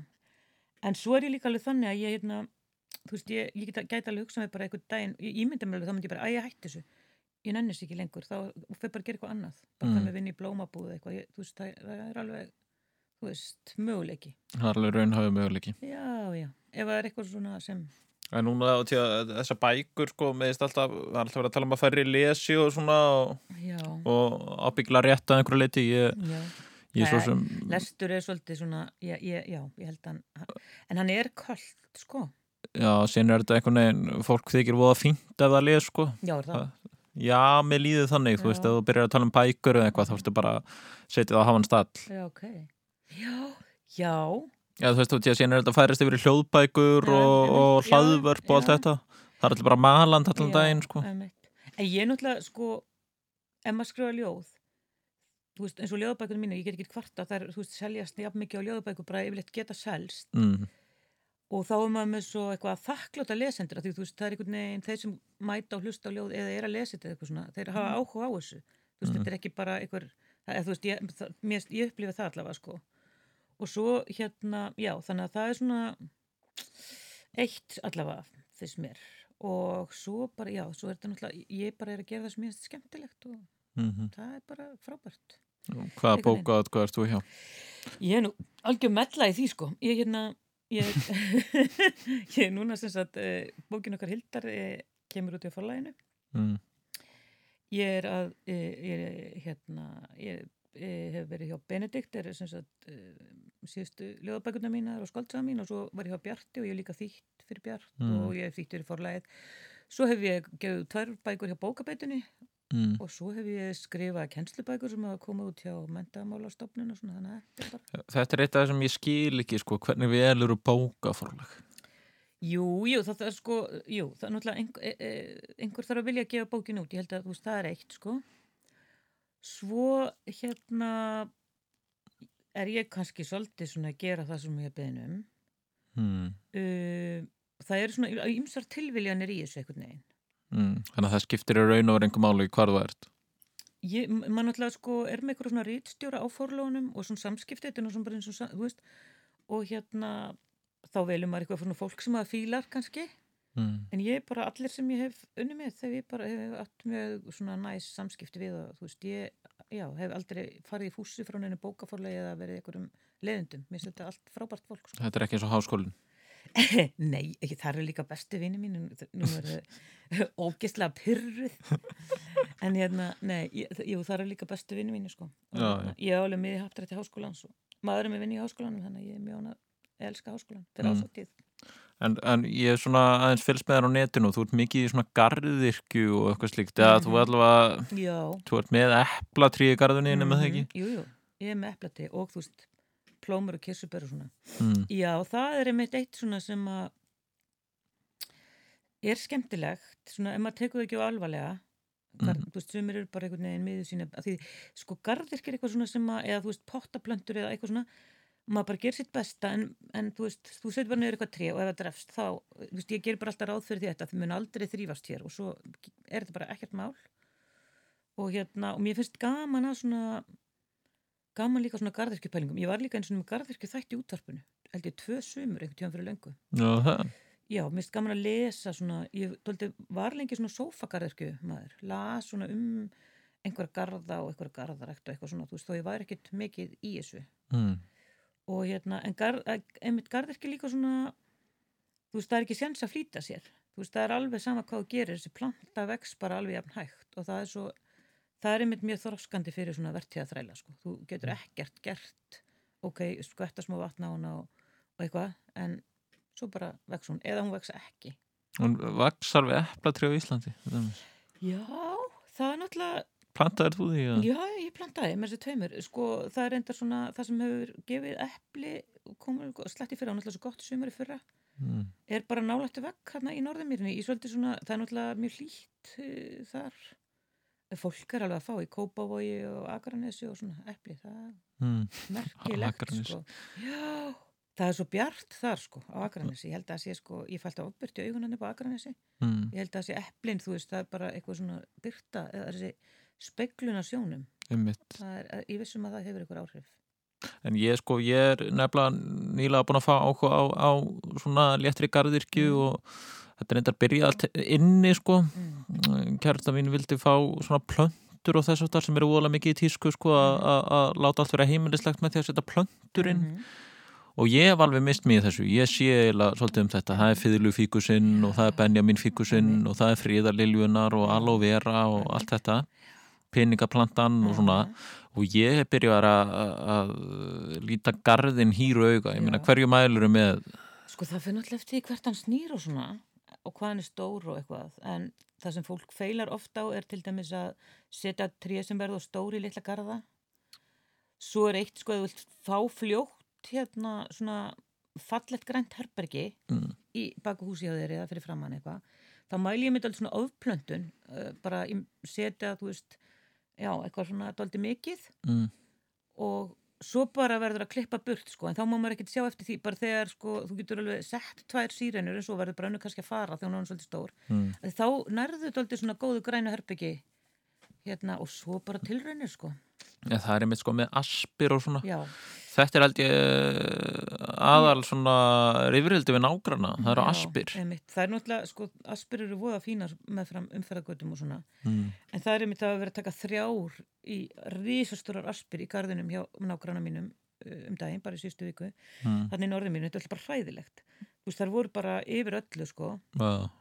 og hérna uh, það heyrist þú að fallegt svona í, vindinum í öspum og svona en já, ekki, ekki setja svona tré í eins og aspir sem vaksa hratt og eru risastór í litla garða. Nei. Ha- hafa þau bara einhver starf á umferðarauðu en, til dæmis í garðinu mínum því ég flutti var bara eitt tré og það var eitt fallegasti silfurreynir í Reykjavík. Mm.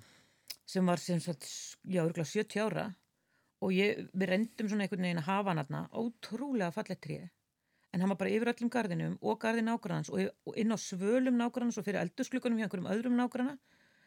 Og endanum þá hérna fólki sem býr við hliðina á mér er, elskar sól, ég hef farin að hugsa svo til þeirra greiðin, þau voru alltaf einhvern veginn að stökkva um garðin til að að finna einhvern sólskinsblett. Þannig ég sendi garðirkustjóra Reykjavík upp post með mynd og spurði hvort ég mætti láta hérna, saga niður þetta trjó og ég vonaði að hann sagði bara nei. En Mm. ég fekk mjög fallett svar sem var sko, það er mikill missir af þessu tré, þetta eru ofsalega fallið og silfureinir en þetta ánáttúrulega ekki heima í, í 200 fermetra húsagarði svo þú skalt bara láta taka hann. Á í staðin setti ég náttúrulega eplatré, já, runna svona blómstræður, runna kissuperi tré, eitthvað svona lítið Mm. sem að, já, sem að hérna og svo verður maður bara að ná í sögina þetta fyrir að vera stórt Einmitt. það er bara máli, ekki verður með svona tilfinninga tengsl við þetta það má líka henda döðum, svona ljótum pottablöntum bara út í tunnu, fá sér nýjar Já, ég mitt þetta er, þú veist, ef þetta er orðið eitthvað misleikt Já, ég meina það er nóg að þessu hver að gera Já. Er þetta ekki bara flutt inn og eitthvað og þú bara Já, kaupir og þetta? bara afleggjara og svona. Já, já. Um, uh, Þú varst með eitthvað lag hérna til að spila það ekki Heyrðu, Jú, ég vil spila lag. Það er nefnilega því að hérna, því vorum að tala um sumarvinnur. Mm. þá vil ég endilega hérna, gamalt uppáðslag uh, sem er ég er á leiðinni með er nefnilega þannig að ég, fór að hugsa um allar að hérna, ég vann á Kópavósæli því ég var byrjað að vinna þar 12 ára. Mm. og e, það var sumar. Þá var þetta vinsælsta leið og hérna og það voru tvö lög sem voru vinsælt það var ég er á leiðinni og stolt sigli flegi mitt. Og ég hef bara alltaf hatað það lag. Það er eitthvað svo, það fer svo í töðunar á mér. Mm. og það var þannig að ég semst vann hann að sex dagi viku með vinkunum minni. Og það var alltaf keppnis hjá mér sko þegar ég var að skúra þá var maður kveikt á útvarpinu og var skúra einhverja ganga og einhver herbyggja og svona. Og lögatum voru óskalu sjúklinga. Og það var alltaf sko á einhverju mómenti kom sko hérna ég er á leiðinni og stoltsekli fleimitt allt sem var í þessum þætti. Nema ég var með eitthvað svona var í svona leik þannig að ég, því fór klukkan í manni hvað var tíu eða eitthvað til hálf elli og kaffi. Og þú veist, draumur minn var alltaf þá náttúrulega slöktum maður út og spinna fyrir kaffi á einhverjum kaffi, einhverjum kaffistofi eða einhverjum matsal að á meðan ég var í kaffi væri stolt sigli fleið mitt og ég er á leiðinni kæmi sko, væri komið að ég misti alltaf af, bút af óskolegunum Mm. og þá myndi ég er á leiðinni sko koma. Og þá, það var hefnis Mm. þannig að þetta var sko, já þetta, þannig að þetta var, ég, ég hlustaði mikið á þetta. Já, og með hverjum er þetta lag, segir þú? brunaliðinu. Já, brunaliðinu. Já, já, já, Ég er sko, svo, ég er svo illað mér í já tónlist ég líka sko en Ég fæ alltaf, hérna, ég held að hlustendur séu margir hverjir alveg Já, ok, það, það, það er samt, þú, það er ekkit að senda hérna, þú veist, bara Spotify og láta einhverja playlist að rúla og svona. með mitt Svo er þetta að feika sig áfram í þessu, sko. Já, já, ég þykist oft, það ekki allt, sko En, uh, já, kæra hlustendur um, Hingað á eftir uh, koma til mín það er uh, Eva Maria Jónsdóttir og Guðrún Sólei Gestóttir það er alltaf ræða útivist, jóka og ýmislegt annað en Þetta var eh, uh, Þortís Gíslandóttir uh, eh, Við rættum nú bara ymmislegt, myndi ég nú segja Þekki Þortís Jú, jú, við komum við að við. Þetta er uh, Ég er á leiðinni með bruna leiðinu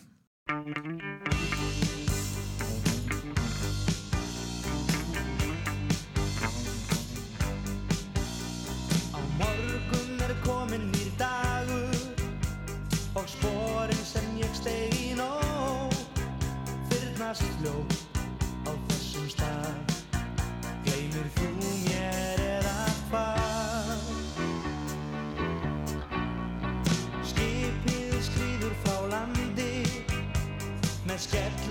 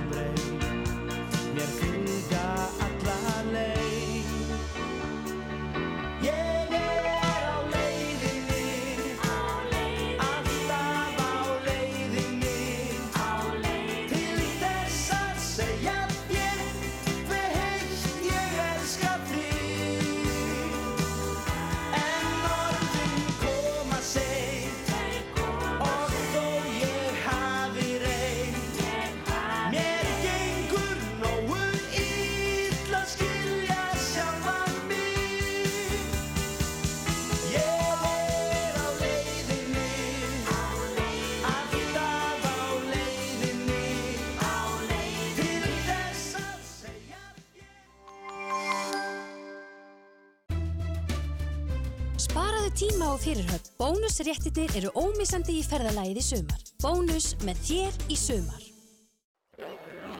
Upplöðu Rómatíkina í tjaldi á vestfjörðum. Tjaldsvæði Tungudal Ísafyrði, tjaldsvæði Tálknafyrði, tjaldsvæði Patricksfyrði, tjaldsvæði Þingeri og tjaldsvæði Urðartindur.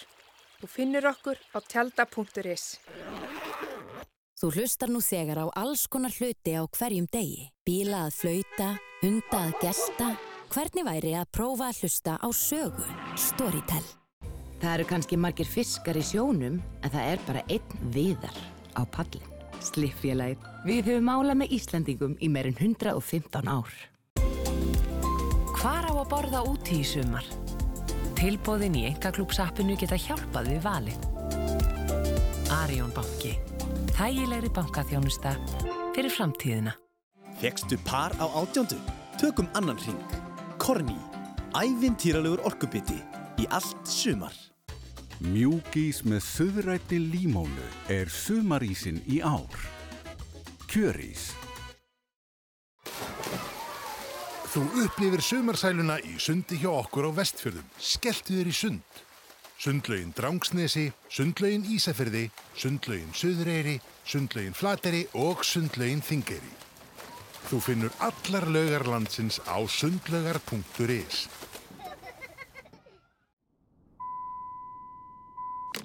Félagsaðild FIB eigur öryggi fjölskyldunar á ferðalagi um land allt. Kynntu þér kosti aðildar á fib.is. Á Rúf í kvöld, klukkan 19.40 Sumarlandin, klukkan 20.15 Löfandir fjölskyldan, klukkan 21.05 Íslensk bíósumar, hver er, klukkan 22.15 Sálfræðitrittirinn Persóna.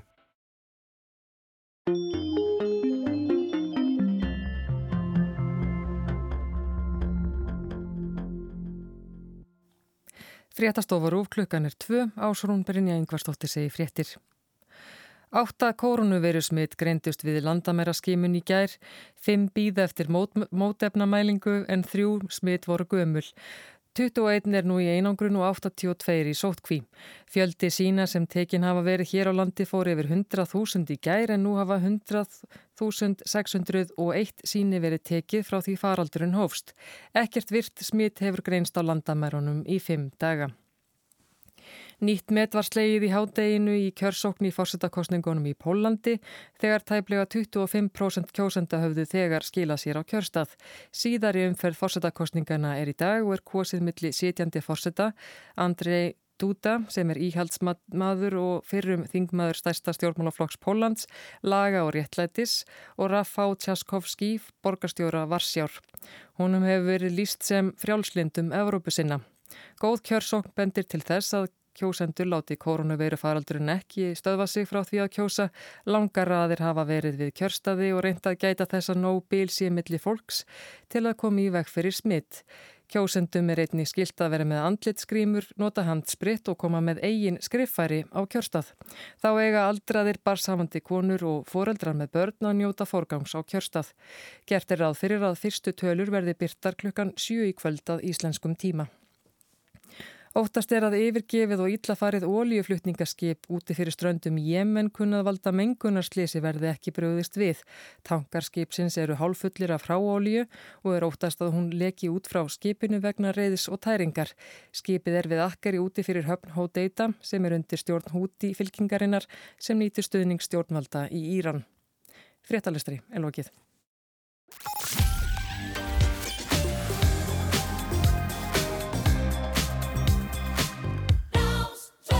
Já, ég heiti Jakob Birgisson og þetta eru sumarsögur.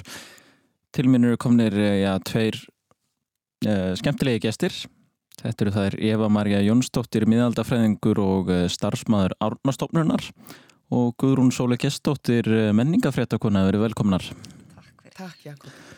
Uh, sko, ástæðan fyrir ég fæ ykkur tvær saman. Hún er kannski svo að, að fyrstulega eru þið tvær svona þannig að þegar maður rekst á einhver eitthvað staðar eða, eða hittir ykkur þá svona þá svona byrtir aðeins til alltaf þið, þið, virkið þannig á mig og þið hafið svona ákveðna hvað getur við sagt, sameila snertifliti þið, þið voru báðar í bókmentafræði þið báðar starfað á rúf uh, þið eru mikið útivist uh, já hvað meira?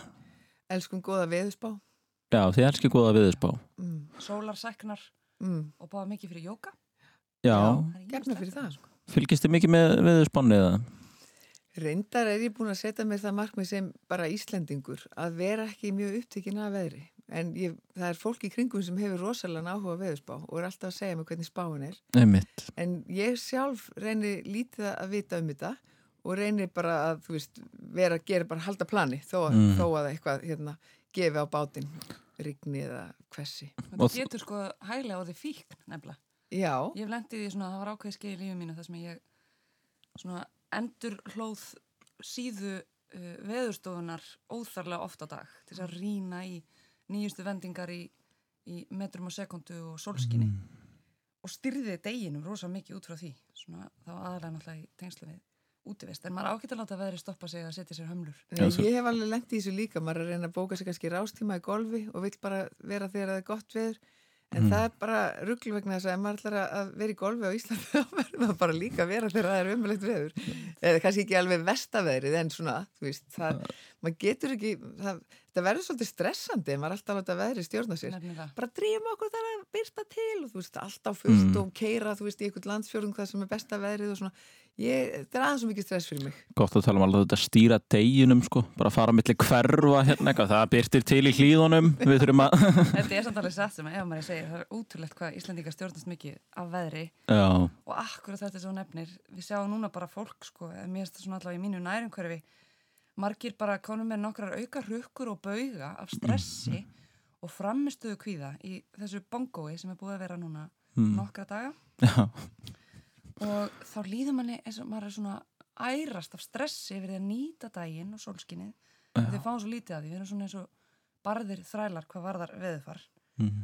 og maður ærist í, í pressunni að því að þurfa að nýta sólina í að fara upp á fjall eða í sjósund eða út að hlaupa eða á línuskauta eða viðra hundin eða hvernig sem það er sko. Þannig að þú veist þetta er bara Já, stressvaldandi ég, ég var að gera tilraunir með þetta hvort ég gæti verið inni eða hanga á netinu Mhm. á meðan sólinn skein úti. Og það var rosalega erfitt og, og maður svona bara olgaði inn í sér og ég pýndi mér samt alveg var alveg tvo og halvan tíma bara inni á netinu á meðan sólinn skein úti og allur arfin bara, þú veist, blomkaðist fyrir framann augun á mér út í gluggan Þetta er dugnaður sko. Suss, já, þarna sjálfsaga. Þú setið hana bara, nei ég fer ekki út í dag ég verð hún. Já, ég ætla að hanga á netinu. Svo verja deginum á internetinu. Endur hlaða síðu veðurstofu En þeir eru þá, þið, þið eldi ekki veðrið, það er, það er ágætt að vita það, þið eru bara, það er ákveðin festa í ykkar lífi, þið, þið fylgir bara innsæðinu. Ég ætlum að sé eitthvað, eitthvað skárið samt, ég meina ég var að koma úr útilegu, hérna, það, síðustu tveir dagar voru frekar veðursælir og ég var á veðursælum stað í útilegu sennilega engin tilviljun sko. Nei, að- mitt. Já, ég get ekki sagt, ég var að ljúa því Jakob ef ég segðast ekki stjórnast að veðri ég er í, í svona miklu jöklabröldi og fjallabröldi og þá er maður að kanna veðurspána fram á síðustu mínútu og plönin geta breyst með engum fyrirvara. Þetta er náttúrulega lífspursmál fyrir hana. svona, svona allavega á sumrin þá er þetta rosa svona stór breyta í öllum mínum plönum. En hvaða jökla er þú að fara á? Já, sér nú til, ég fór á uh, Eyjafjallajökul á dögunum um, Snæfellsjökul líka Örravejökul fór ég líka á. Mm. og hérna, þetta er náttúrulega svolítið jöklasísón svona, Mm. allavega eins langt fram á sumar og maður getur og hættir sér það er ógæslega gaman Ertu það með lekli, var þú bara brotta og allt? Já, já, þá erum við bara jöklabrotana og öksi og alla græðunar Og er þetta allt þínar græjur eða er fólk Já. að leiða þetta? Nei, ég var nú lengi vel bara með þetta í leigu en svo fjárfesti ég í þessum búnaði svona hægt og rólega bara og sé ekki eftir því að því að mér finnst þetta svo ógíslega gaman og ég er þeirra skoðunar að allir Íslendingar og fleiri ættu að fá snertiflöt við jöklana þau hverfa af því þeir verða ekki hér að eilífi og maður sér þá hopa náttúrulega með hverju árinu Ég hefði bara viljað fara upp á okk. Það er einu jökull Já, sem ég hef áhuga að fara upp á. Annars horfi ég bara á hinn út um gluggan. Já, þú ert ekki í jöklaferðunum? Nei, ég hef aldrei farið upp á jökull. Nei, ég er nefnilega, ég verð að segja sko að, að mér erst voðalega fínt að vera guðskrann í náttúrunni en, en, en þetta bara, ég verði eiginlega hrættur við tillegsunum að fara upp á jökul. Mm. Ferðu, verður aldrei hrætt á hann að ferði jöklaferðir? Það er akkurat máli, af því að ég held að svona allur þessi útbúnaður, þessar græjur öxin og brotarnir og þetta allt saman geti verkað svolítið frárindandi og svona ókveikjandi af fólk Já. um, en þetta er nefnilega alls ekki að flókið og það kannski lítur út fyrir að vera þetta er bara pínupónsu búnaður eina að tver græður sem það þarfst að hafa mest öryggisins vegna en síðan er þetta bara eins og hverjunu fjallganga þetta er ekki Mm. flókið Mhm. en þetta er svo stórkoslegt að mínu mati að fá hún er einstök, þessi jökla orka hún Mm. hleður mann raunverulega og það er líka einhver svona töfrar við það að sumarlægi að, að upplifa sko milda veðufarið sem að svona stundum leikur við okkur og andstaðuna sem er það fólkin í því að komast alltaf inn í snertingu við reynilega ís og snjó Mm. og það veðufar sem ríkir í, í svona herra klímati, þið veitir. En hvað hva er þetta þá langar ferðir? Er þetta að gista upp á jökli eða? Nei, þetta er nú oftast svona, pff, hvað, 8 til 10, 12, 14 tímar. Ég fór reyndar á Sveinstind á dögunum og það var 18 tíma ganga. Býttu átti það ekki verið svo létt? Helst, nei, Sveinst, þetta er sá starri. Já, já, já. eru tveir Sveinstindarnir og sá starri er, er hérna, sett upp á Öravæjakli, Sveinstindur og Mm, Öravæjakli. einmitt. Það er hansi drjúg ganga, hún var 18 tímar, hún líka gegnast við frá mér. Já, en hinn sveinstindur er eitthvað, Það Hann er við Langasjó. Já, það er léttara. Já. Það er þanga sem ég hefði hugsað mér að fara aldrei á hinn, sko. En, endilega gera það ef maður er það gullfallegt. Ég bara held Yndislegt hægt að gera allt sem er svona pínu hættulegt eða, eða hérna, ég, ég var með mikið áhuga að fara í kajakverðir hérna áður en börnin Mm. svo um eignaðist börnin þá var bara hafði ég engan áhuga lengur að fara á kajak og, Mm. og leið bara illa út á rúmsjó á kajak og sá fyrir mér bara kemi óuleg sjóskrimsli og æti mig þú veist, Já. þetta er náttúrulega móðursíki ertu þá lífsrætt? Já, ég virðist vera það Mm. Ég er svona, ekki kannski bara þegar ég er að keira eða hér eða svona, það er ekki alltaf. Nei, nei. En maður er að gera eitthvað svona sem fyrir aðeins út fyrir það endaraman. Já, ég kannast við þetta. Þetta er, Já, þetta er svolítið erfitt, sko. lífsrættir saminist. Mm Er, ég, ég, ég held ég að við nú séð af þessari sveinstindaferð eitthvað á internetinu og með minnir að ég hafi nefnt þetta við tengdafórdra mín að, að hérna, jú, jú, ég þekki eina, hún er alveg, hún hefur lagt í þýlitferðalag, hún er að fara upp á sveinstind og svona horfir tengdafæða mér á með sér, já, já, ég er farið þangað og ég horfa hann, betur, hvað er fyrir þú farið þannig? Þá var hann að tala um hinn tindin, sko. Þetta er alveg eitthvað miskilningur. Já, já. En fyrst tekur maður þann minni og svo skal maður hugsa um þann Já. Hærri. Já, Mm. þeir eru báðir gullfallega mínum mati, sko. Taka þetta í skrefum. Já, þetta er, ég held að þetta sé sko þegar, þegar maður er í svona barnleysi eins og Mm. tilvera mín raunar þá er maður eiginlega að leita að einhverjum nýjum ferðum aðferðum til að drepa sig sko þá að, að hérna brelt upp einhverju jökla að koma sér einhverja stór hættu sko þú veist, Það er barnleysið. svona væntalega en svo ætla ég að þú ert svona lífsættur Jakob og bat þetta er raunar ekki ennþá komið í heiminn sko þannig að það Nei, nei. er sennilega sent skýringu að finna í því þetta er bara einhver svona meðfætt áhættu sækni held ég Já, Já, það er náttúrulega mikil áhætt að þegar maður er komið með sko batn í hendunar þú ert alltaf með lífi í lúkunum, skilur þú. Þannig að það, þá er komin hérna adrenalín kikki sem hún fær upp á jökli, það er nú alveg að dett hún í sprungu. Mm. Maður er með það alltaf þegar maður er með krakkana í kringu sig. Einmitt. Þau eru næstuð í hlaupin út á götu, þau eru næstuð í búin að fara sér að voða einhver staðar ofan að háum vegg Búin að segja eitthvað dónarlegt við einhvern í Já. ísbúð og eitthvað svona. búin að hérna, færa skömmi yfir alla fjölskylduna Já, þetta, þetta er náttúrulega áhættu að eignast börn Já, það já. er nokkuð ljóst Það er maður áhættur sækin. Heyriði, ef við ekki að vind okkur í eitt gott lag. Uh, Guðrún Sólei, uh, þú valdir lag. Uh, segðu okkur aðeins frá því.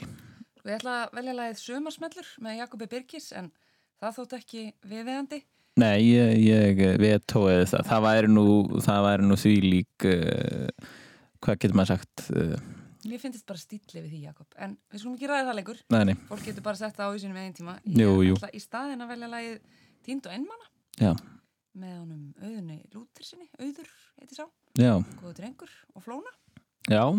Og af hverju velur þetta? Mér finnst þetta grípandi Mhm. um, það er en þá svona nokkuð ferst held ég Mhm. og þetta er svona hollur og góðu texti fær mann til að hugsa Já. ég hlusta rosa mikið á texta þegar kemur á tónlist Já, kæru hlustendur, þetta er ný íslensk tónlist, auður og flóni, tínd og einmanna.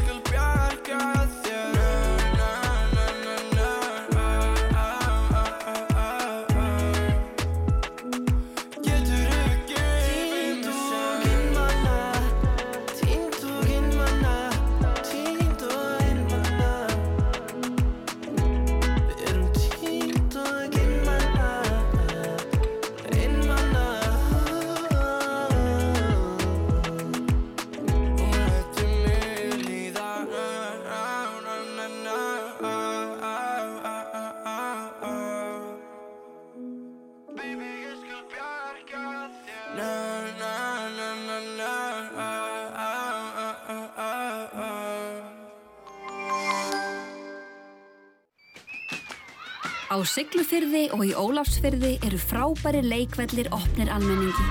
Fjallabigð fagnar þér og börnunum í sumar. Njóttu náttúr Íslands í tjaldútilegu á Austurlandi. Tjaldsvæði skipalæk fallegt og friðsælt umhverfi.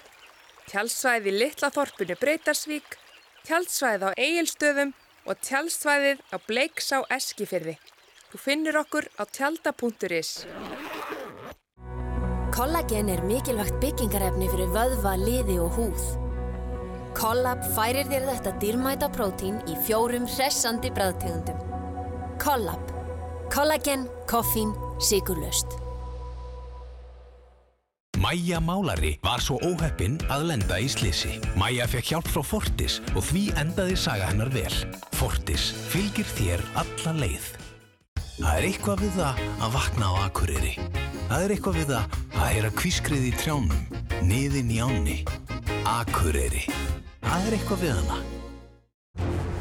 Lengjan stiður íslenska boltan og fer alltaf á völlin. Lengjudildin, láttu sjá þig. Pakkaferði sumarsins eru komnar í sölu. Nú er rétti tíminn til að kynast Íslandi upp á nýtt. Er Iceland Connect. Þú upplifir sumarsæluna í sundi hjá okkur á höfuborgarsvæðinu. Skelltu þér í sund. Sundöll Reykjavíkur, Árbæjarlaug, Gravarvokslaug og Breiðholtslaug. Þú finnur allar laugar landsins á sundlaugar.is. Flugger, innanhús, utanhús og á palli. Flugger litir.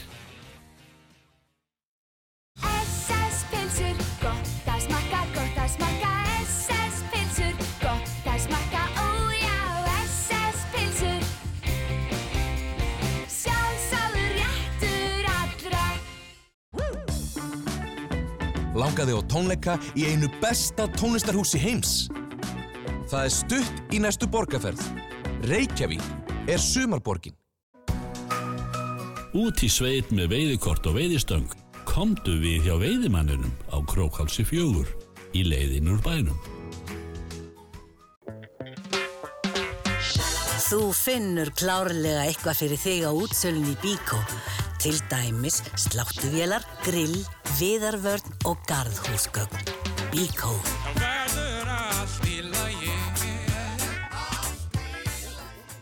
Hvort finnst þér betra að grilla á kólum eða gasi? Hjá Elko finnur þú mikið úrval af grillum og fylgilhutum.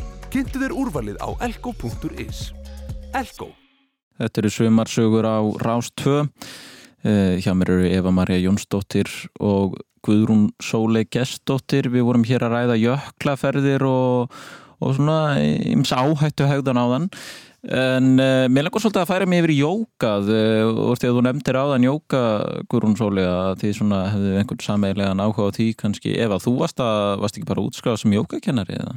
Jú, ég gerði það núna í kofinu. Þá fór ég í jókakennarnám. Mm. Og það var bara mjög gott fyrir mig á þessum tíma. Mhm. Þá þurfti ég að vera með jókatíma alltaf reglulega og hafði þá heima hjá mér og það mátti koma einn í hvert tíma sem var mjög hæfil útskaptur fyrir lærlingin Já. og þetta hefur bara gefið mér heilmikið nýtt í líf mitt. Ég þarf svolítið að aga mig til þess að ástunda Mhm.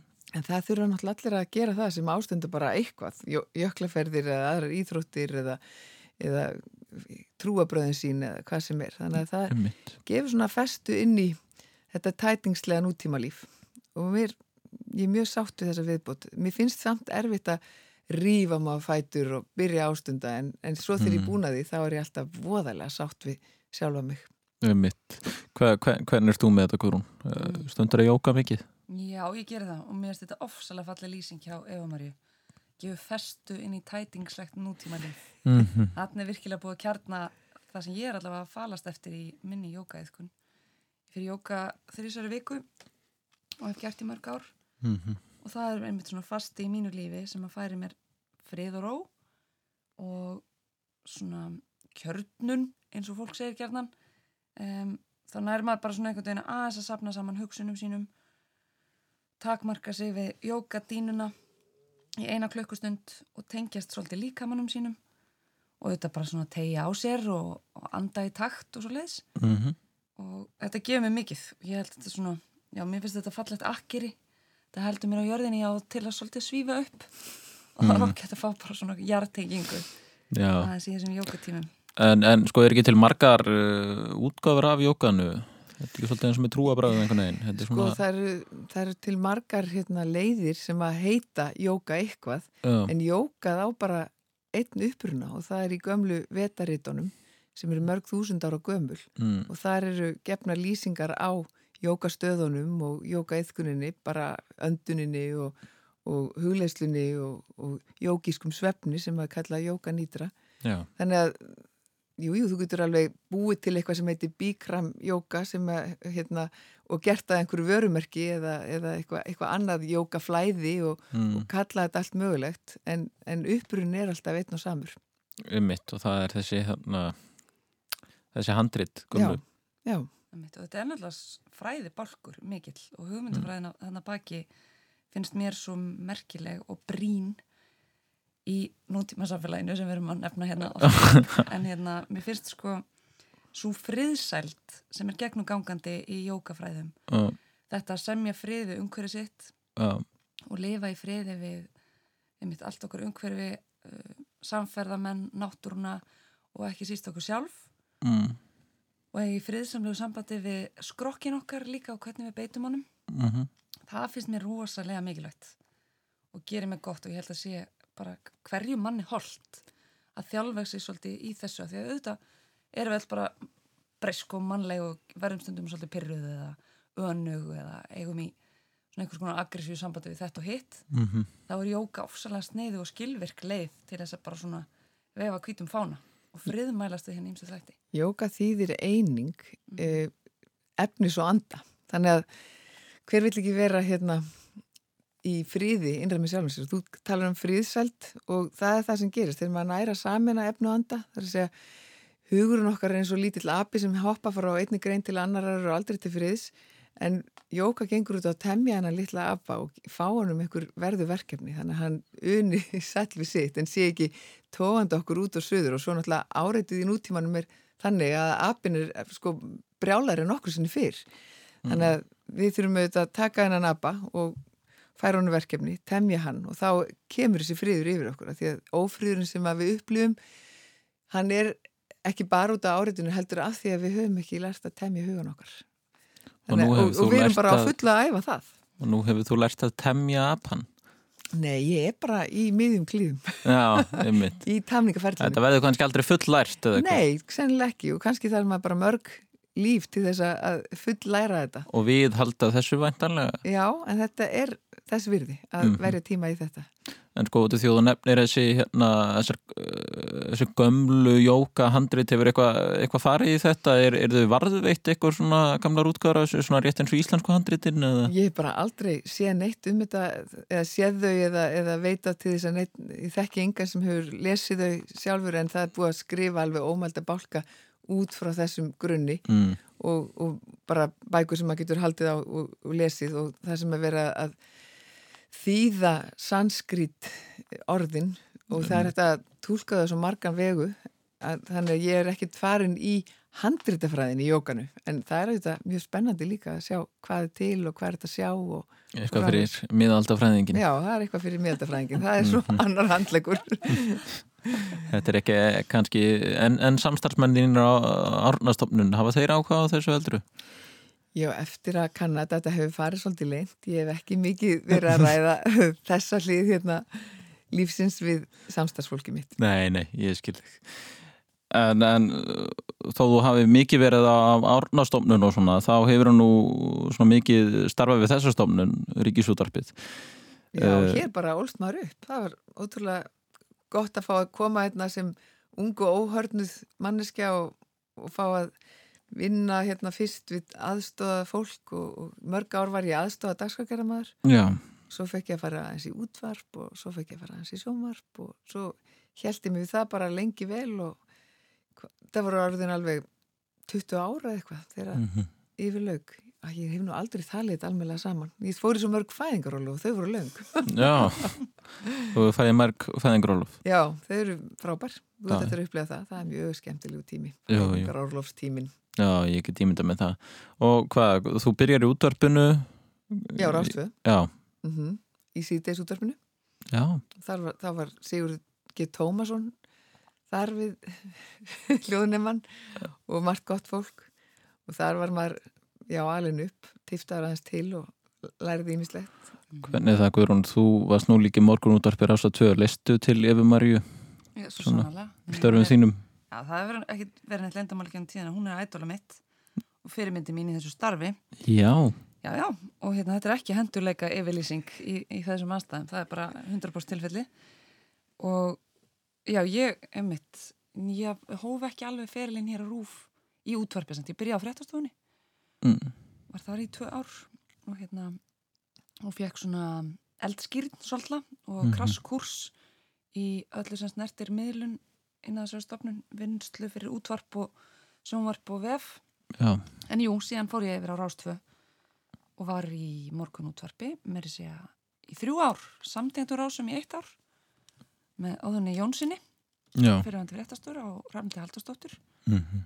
og síðan var svo samtenging Rofin og ég fór Mhm. yfir á Rástvö með honum Sigmari Guðmundssoni og þannig að já, það var einmitt svona eins og kannski ef maður lísti örlítið að það er svona svolítil þjálfun að kersla að vera í beitni útsending á hverju mótni í þrjá tíma á dag, fimm Mhm. daga vikunar þá fekk maður svona ágætis þjálfun í að taka viðtur Já, ég hef fullu fangi með þessu sunnudaga. svo sannlega ekki, þetta er leikandi létt fyrir þig en, en hérna, en það var líka bara áhugavert að fá þennan snertipunkt við samfélagið sitt að tala við þú, veist, fólk sem stóð fyrir lagseldi og veðufræðinga og e, salgetisframleiðendur og stjórnmálamenn og Mhm. það, þú veist, allt rófið af Íslandingum í rauninni En nú ert alltaf að skjá um landsmanna í menningunni og fjallar um íslenska menningu. Mhm.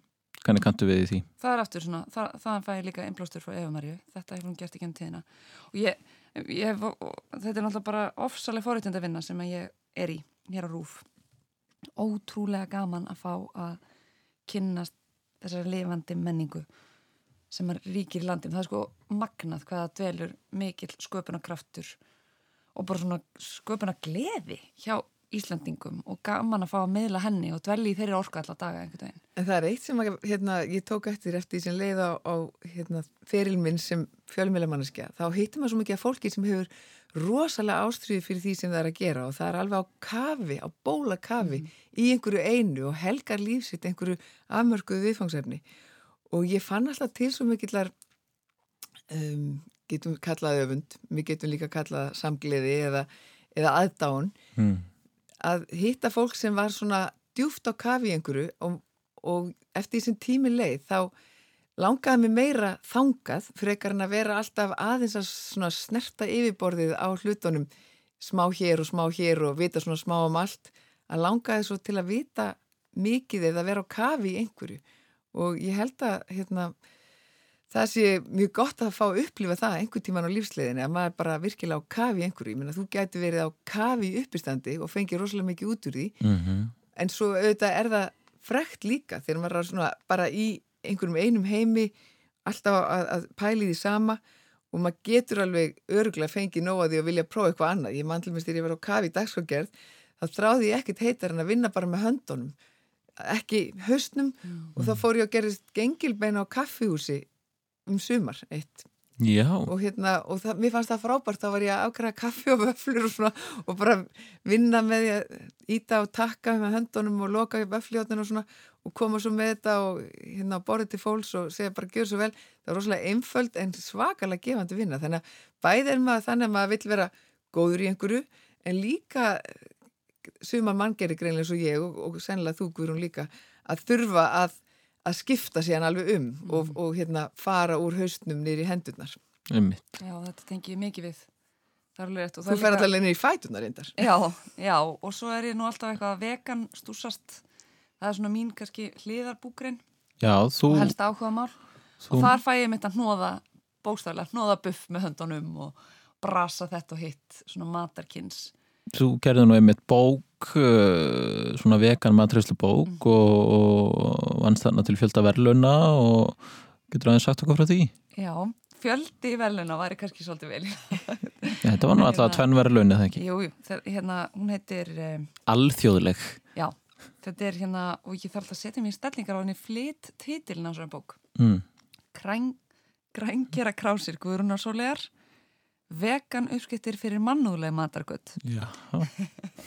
Eitt er bókin og já, og það var óslega skemmtilegt verkefni sem að ég svona mm, fór út í vegna þess að ég trúir óslega mikið á veganisma og er með djúft á kafi í dýravelferð og dýra svona baráttu fyrir aukinni velferð dýra. Áttu svona- dýr? Já, ég er hundægandi. Já. Æ, hundægandi finnst mér svona eitthvað off að segja. mér finnst ekki, mér finnst ég ekki eiga hana. Hún er hluti af fjölskyldunum minni. Já. Hún Mattildur.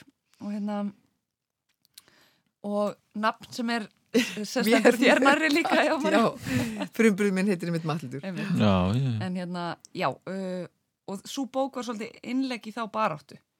Þú veist, og þannig að það var rosalega ánægilegt að, að sjá að hún fekk svona aðeins mjúkar og góðar viðtökur og jú, fekk þessi gúrmandverlun á dögunum. Það var gleðilegt líka. Mm. Til að mikið með Ég það. þekk reynilega að ná þessa bók því að börnum mín eru eitt af öðru að snúast til veganisma Yes. og það er hérna ekkert sem ég ræð við. Fallett og hugsandi fólk. Já, já. Balið, sko. Já, ég bara opna fyrir þetta, opna fyrir Mhm. þetta. Ég myndi nú sak sakna ost, en þú saknar ekki ost. Ég borða fullt á osti. Hann er bara búin til úr kassunnetum og möndlum og svona sko. Býr hann til sjálf? Nei, ég ætla ekki að þykjast einu sinni vera svo metnaði full sko. Ég bara kaupa hann út í búð. Já, og hann er góður. Hann er, sko, veganostur var alveg skelvilegur lengi framan af. Eila bara þangað til í fyrra eða hitti fyrra. En þá fengu þeir einhverju svona mjög snjalla, einhverju svona eðlisfræðinga, einhverju NASA, gemvísinda fræðinga held ég, til þess Mhm. að þróa almennilegan ost vegna þess að hann bara tók stakkaskiptum yfir nótt og er ekki lengur þessi viðbjóður sem hann var. Þetta er bara frétt. Ég, Mhm. Það er nefnilega, hann hefur á sig svo slemt orð þessi veganostur en nú er hún að segja mér fréttir. Já, já, hann var bara bræðlaust plast Mm. lengi vel en, en nú er öldun unnur og nú er þetta að fá stórkurslega veganost sem að bræðunar og er með, með mjög ánægilega áferð og bræð. En það er eiginlega saman með þetta kjöt ígildi. Mm. Það, það hefur líka verið að þróast mikið þarna í bandaríkjunum og fjárfestar alveg keppast við að, að setja pinningarnir sinni í þetta. Já, þetta er framtíðin. Jú, þetta er Kjöt framtíð. ígildi. Þarf þetta endilega að vera kjöt ígildi? Ég meina, er ekki til aldin kjöt og allt mögulegt? Þetta er bara kjöt. Já, já. Er það ekki? Sko, það er að segja, það sem kemur úr náttúrunni.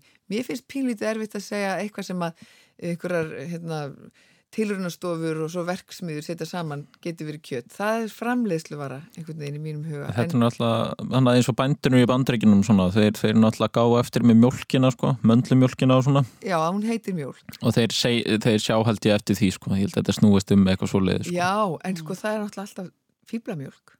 Jú, jú. Hún hefur alltaf verið til. Jú, meina, hvað kemur undan hér? Mjólk er komið úr einhverju ákveðnu orði sem þýðir, ég, ég man það ekki núna, en þegar maður skoðar sko orðsifjarnar úr orðinu mjólk Já. og, og, og le á fransku og þetta, þá, þá þýðir það í raun og veru eitthvað sérstakt sem að hefur ekkert með kýr eh, að gera eða, eða þú veist kúamjólkina sem allir segja sér venjuleg mjólk. Einmitt. Þannig að þetta, þetta er eitthvað íringur eða eitthvað svo leið sem að... já, já. Já. Þannig að þú veist, það má ekki taka sér svona mikið bessalefi sem mjölkuframlegandi eða kjöttframlegandi og, og bara eigna sér orðin. Nei. Þetta er svo margt annað. Og svo er líka, þú veist, þetta er nefnilega svolítið viða mikil umræða og það er náttúrulega bara til hægðar auka og skýringa fyrir fólk sem við notum hugtöku svo kjöt og mjölk og jógurt og þar hundu göttunum. Já. Þess að fólk bara skilji funksjón matarins og, Mhm. og samhengi hans eh, af því matur er svo rosalega stór hluti menningarinnar okkar og okkur er svo tamt að nota ákveðin orð og hugtöku við þetta og hitt. Þannig að það er bara til hægðar auka held ég sem að flestir nota þessi hugtök. Og þá ekkit að binda þau sérstaklega endilega við dýra afurðir. Að mínum finnst það bara allt í og, þetta fer samt í töðunar rosalega mörgum bara, Já. akkur er alltaf að tala um ég minna mjólk er bara kúamjólk Ætti að segja möndlu vögvi Mm. Já, eða Kasjú Mm. Svona. Möndlu safi það er eitthvað skrítið við það. En uh, ef við ekki að vinda okkur í eitt uh, lag? Jú, þetta er ástvö ég, Það er eitt lag sem ég henda alveg sérstaklega vel á ástvö sem veist mjög skemmtilegt. Og það er svona gott lag til þess að syngja með í bílnum. Reyndar er textin dáldi flókin þannig að það er gott að taka síman og googla textan og reyna svo að halda laginu með Já. Síl sem syngur Kissed by a Rose Seal, Kissed by a Rose Mm. Já. Þetta var um það leiti kannski sem að þið voru að fæða sem þetta var vinsalt, ég veit það ekki, eða kannski voru bara ófætt mm. Dásanlegt lag 10 og 6 eða 5 eða eitthvað sliðis mitt Já, við bara skulum setja það á Þú upplifir sömarsæluna í sundi hjá okkur á Vesturlandi. Skelltu þér í sund. Sundlaug Stikkilsholms, sundlaugin Ólafsvík, sundlaugin Húsafelli og sundlaugin á laugum í Sælingsdal Dalabygð. Þú finnur allar laugar landsins á sundlaugar.is. Útsalan er hafin. Alltaf 50% afsláttur af völdum vörum. Ylva, Korputorki. Nú er sumarleikur fjardarkaupa í fullum gangi. Komdu í fjardarkaup og fylltu út þáttökurseðil. Dreigið vikulega. Fjardarkaup. Einstök verslun. Hann neldi sönregin alveg á mígandi strippi. Ó, það er svo gaman. Veiðiflugur, langholtsvegi. Afi var að hluti, við gerum betur Afi var að hluti, lífið er ljótt, við gerum þín víkó Afi var að hluti Það fer að sé allir Sumarútsala og öll útimálning á 20% afslætti. Húsasmiðjan fyrir þig. Það er geggjaður matur í Bólungavík. Kontu bara og pröfaðu. Útsalan er í fullum gangi. IKEA.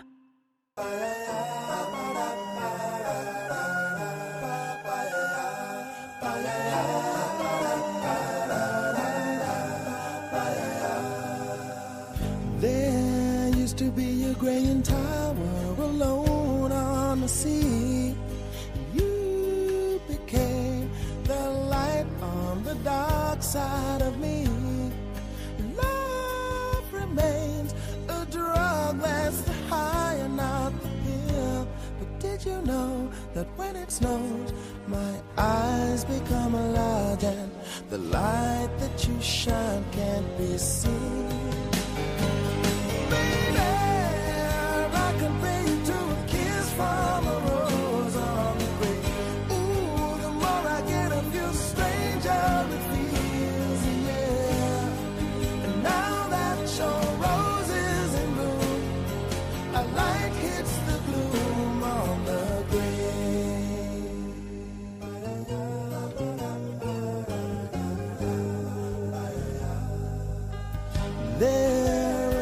Much a man can tell you, so much he can say.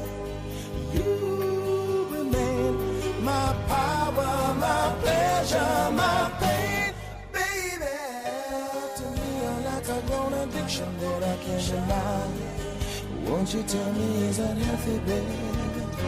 But did you know that when it snows, my eyes become large and the light that you shine can't be seen? Baby, I can pay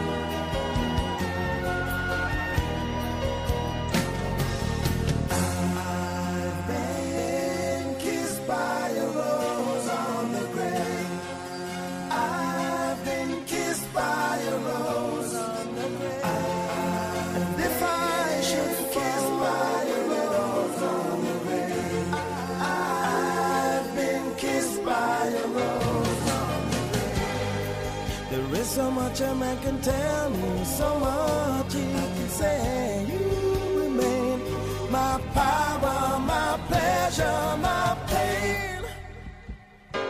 To me, you're like a grown addiction that I can't deny. Now, won't you tell me, is that healthy, baby? But did you know that when it snows, my eyes become a large and the light that you shine can't be seen?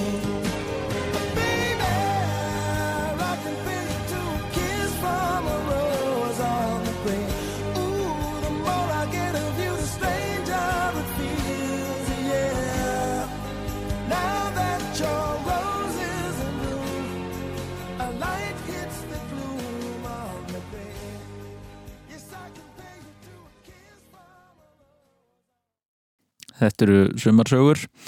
Hjá mér eru Eva Maria Jónsdóttir og Guðrún Sóli Gestóttir. Við erum hér búin að ræða já, jöklaferðir, uh, uh, jóka, það að temja apan og uh, já, matargerð og ég veit ekki hvað og hvað en, en mér langar aðeins að spyrja ykkur út í svona eftirminnileg sumafrí ef, ég byrja á þér Eva Maria. Áttu er eitthvað svona eitthvað svona eftirminnilegt sumafrí? Já, það er frekar nýlega sem að skrítnasta sumafrí eh, eða sagt skrítnasta upplifun að ég væri fullkomnu frí kom yfir mig Já. þá ég hafði löngum sótt í að vera utan þjónustusvæðis í sumafrínu bara vegna þess að það var besta fríið að vera ekki tengt en svo kom um, svo brauti ég åtta af álætu mínu og pantaði mér ferð með ferðarfélag Íslands fyrir þreymur sumrum Já. og allir gerðu mikið grína mér og vini mínir bara, hvað, þarf þú að fara í einhverja ferð með einhverjum leiðsögumann ég meina, þetta fara að lappa í kringum vatn? Ég meina, getur ekki bara að lappa sjálf með vatni á hægri hönd, er þetta eitthvað mál? Og, og hérna, og ég alveg bara stóð fast við þetta, já, ég ætla að fara í þessa ferð með þessu ferðafélagi og hafa hennan leiðsögumann og ég stend við þetta og, borga fyrir þetta og allt þetta. Sem þótti mjög miðaldra og eiginlega bara gamalmennalegt. Já. en við mætum aðna upp á upp að Langasjó sem hefur áður verið nefndur hérna í tengslunum Sveinstind. Og það er svarta þoka og bara skífall, rigning og er náttúrulega svartur sandur allstaðar og við komum að það sendum kvöld og við svona já, það er nú kannski ekki að þessi ferð verið farin en við skulum láta fyrir berast hér í nótt og sofum bara í bílnum og erum ekkert að setja upp tjald það var einhvern veginn ekki vel fannst okkur til þess.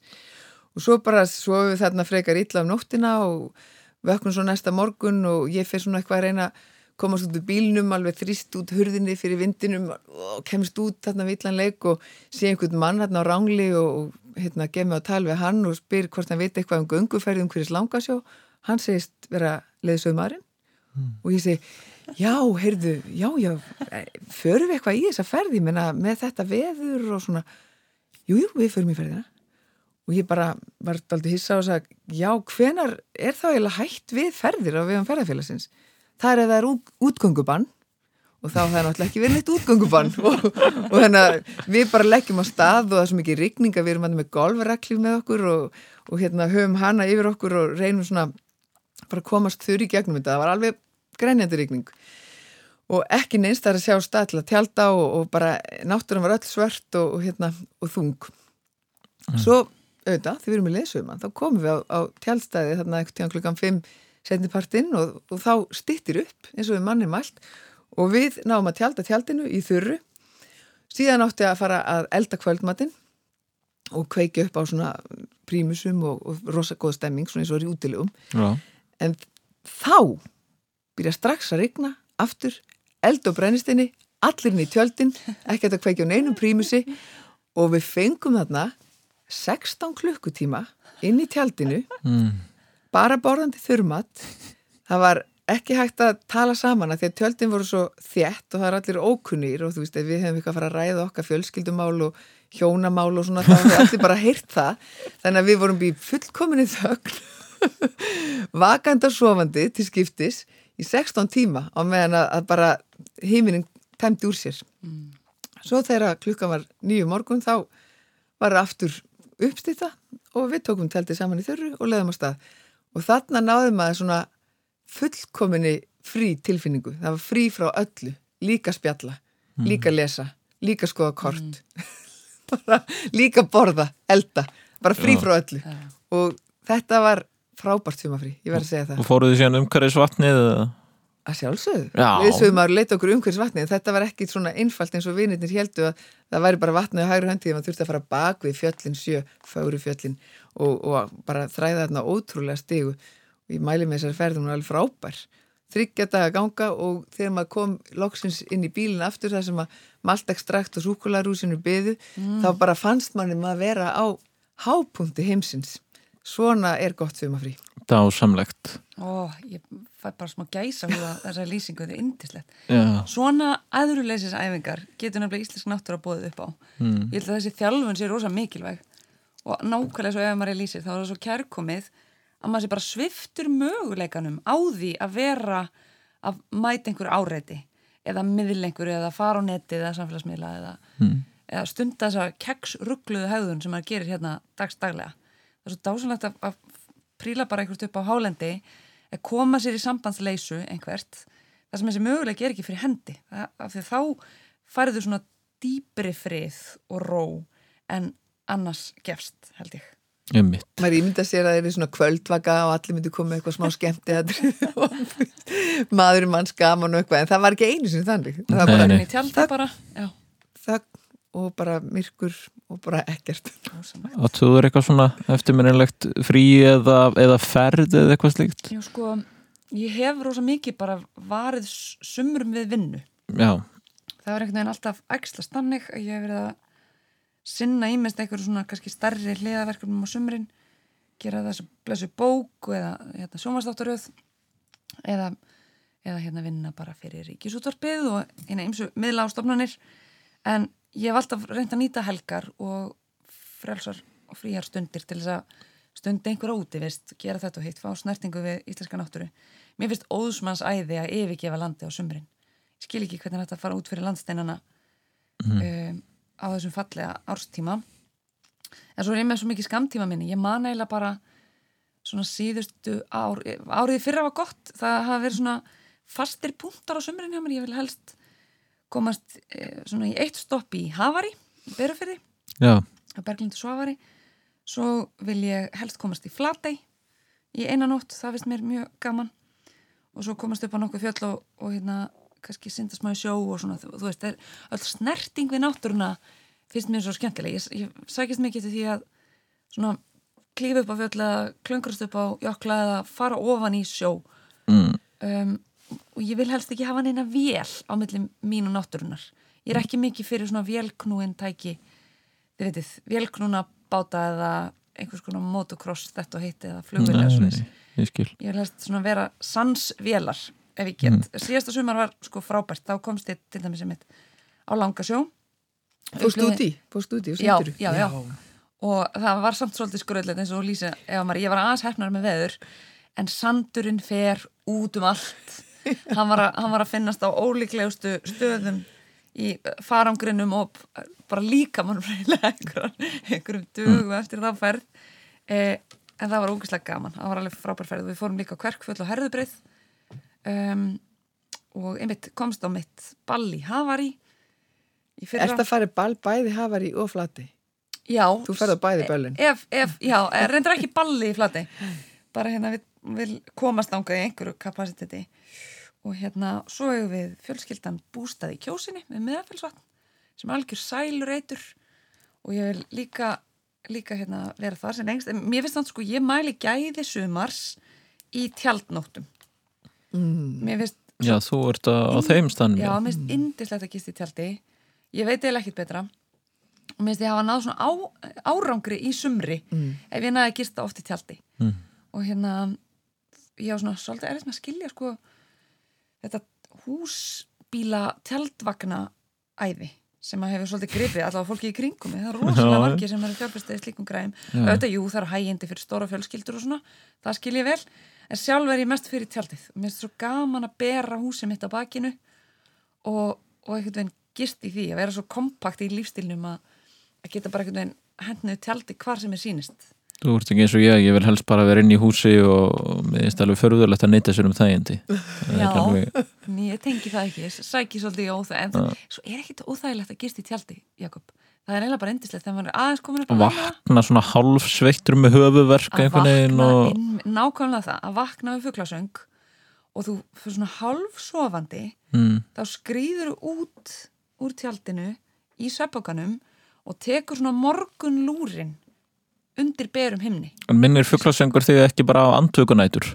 Nei, það er þá kannski bara persónulegt vandamál hjá mér. Ég þarf að læra að temja apan Viðhorf þitt í fuglasöng sem greinlega mjög brenglast en ef það er eitt staður sem að þið myndi mæla með að, að, að fólk færi á í sumar þetta, þetta þarf ekkert að vera neitt sérlega flókið bara allaveg með eins og hérna, langið sjór eða eitthvað slíkt Já, það var allan upplifin fyrir mig, en ég bjó í tjaldi þrjú sumur þegar ég var yngri og mitt rétt rúmlega tvítug.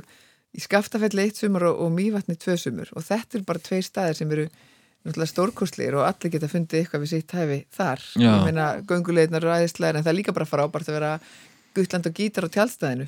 Skaftafell í austur Skaftafellsíslu Mhm. Þar gisti ég um daginn Mhm. tók tjaldnótt þar um mitt. Á tjaldstæðinu og ég hugsaði mér sér að þetta er algjör töfra augnablik. Þetta held ég gerist einu sinni á mannsæfi ef Mhm. það.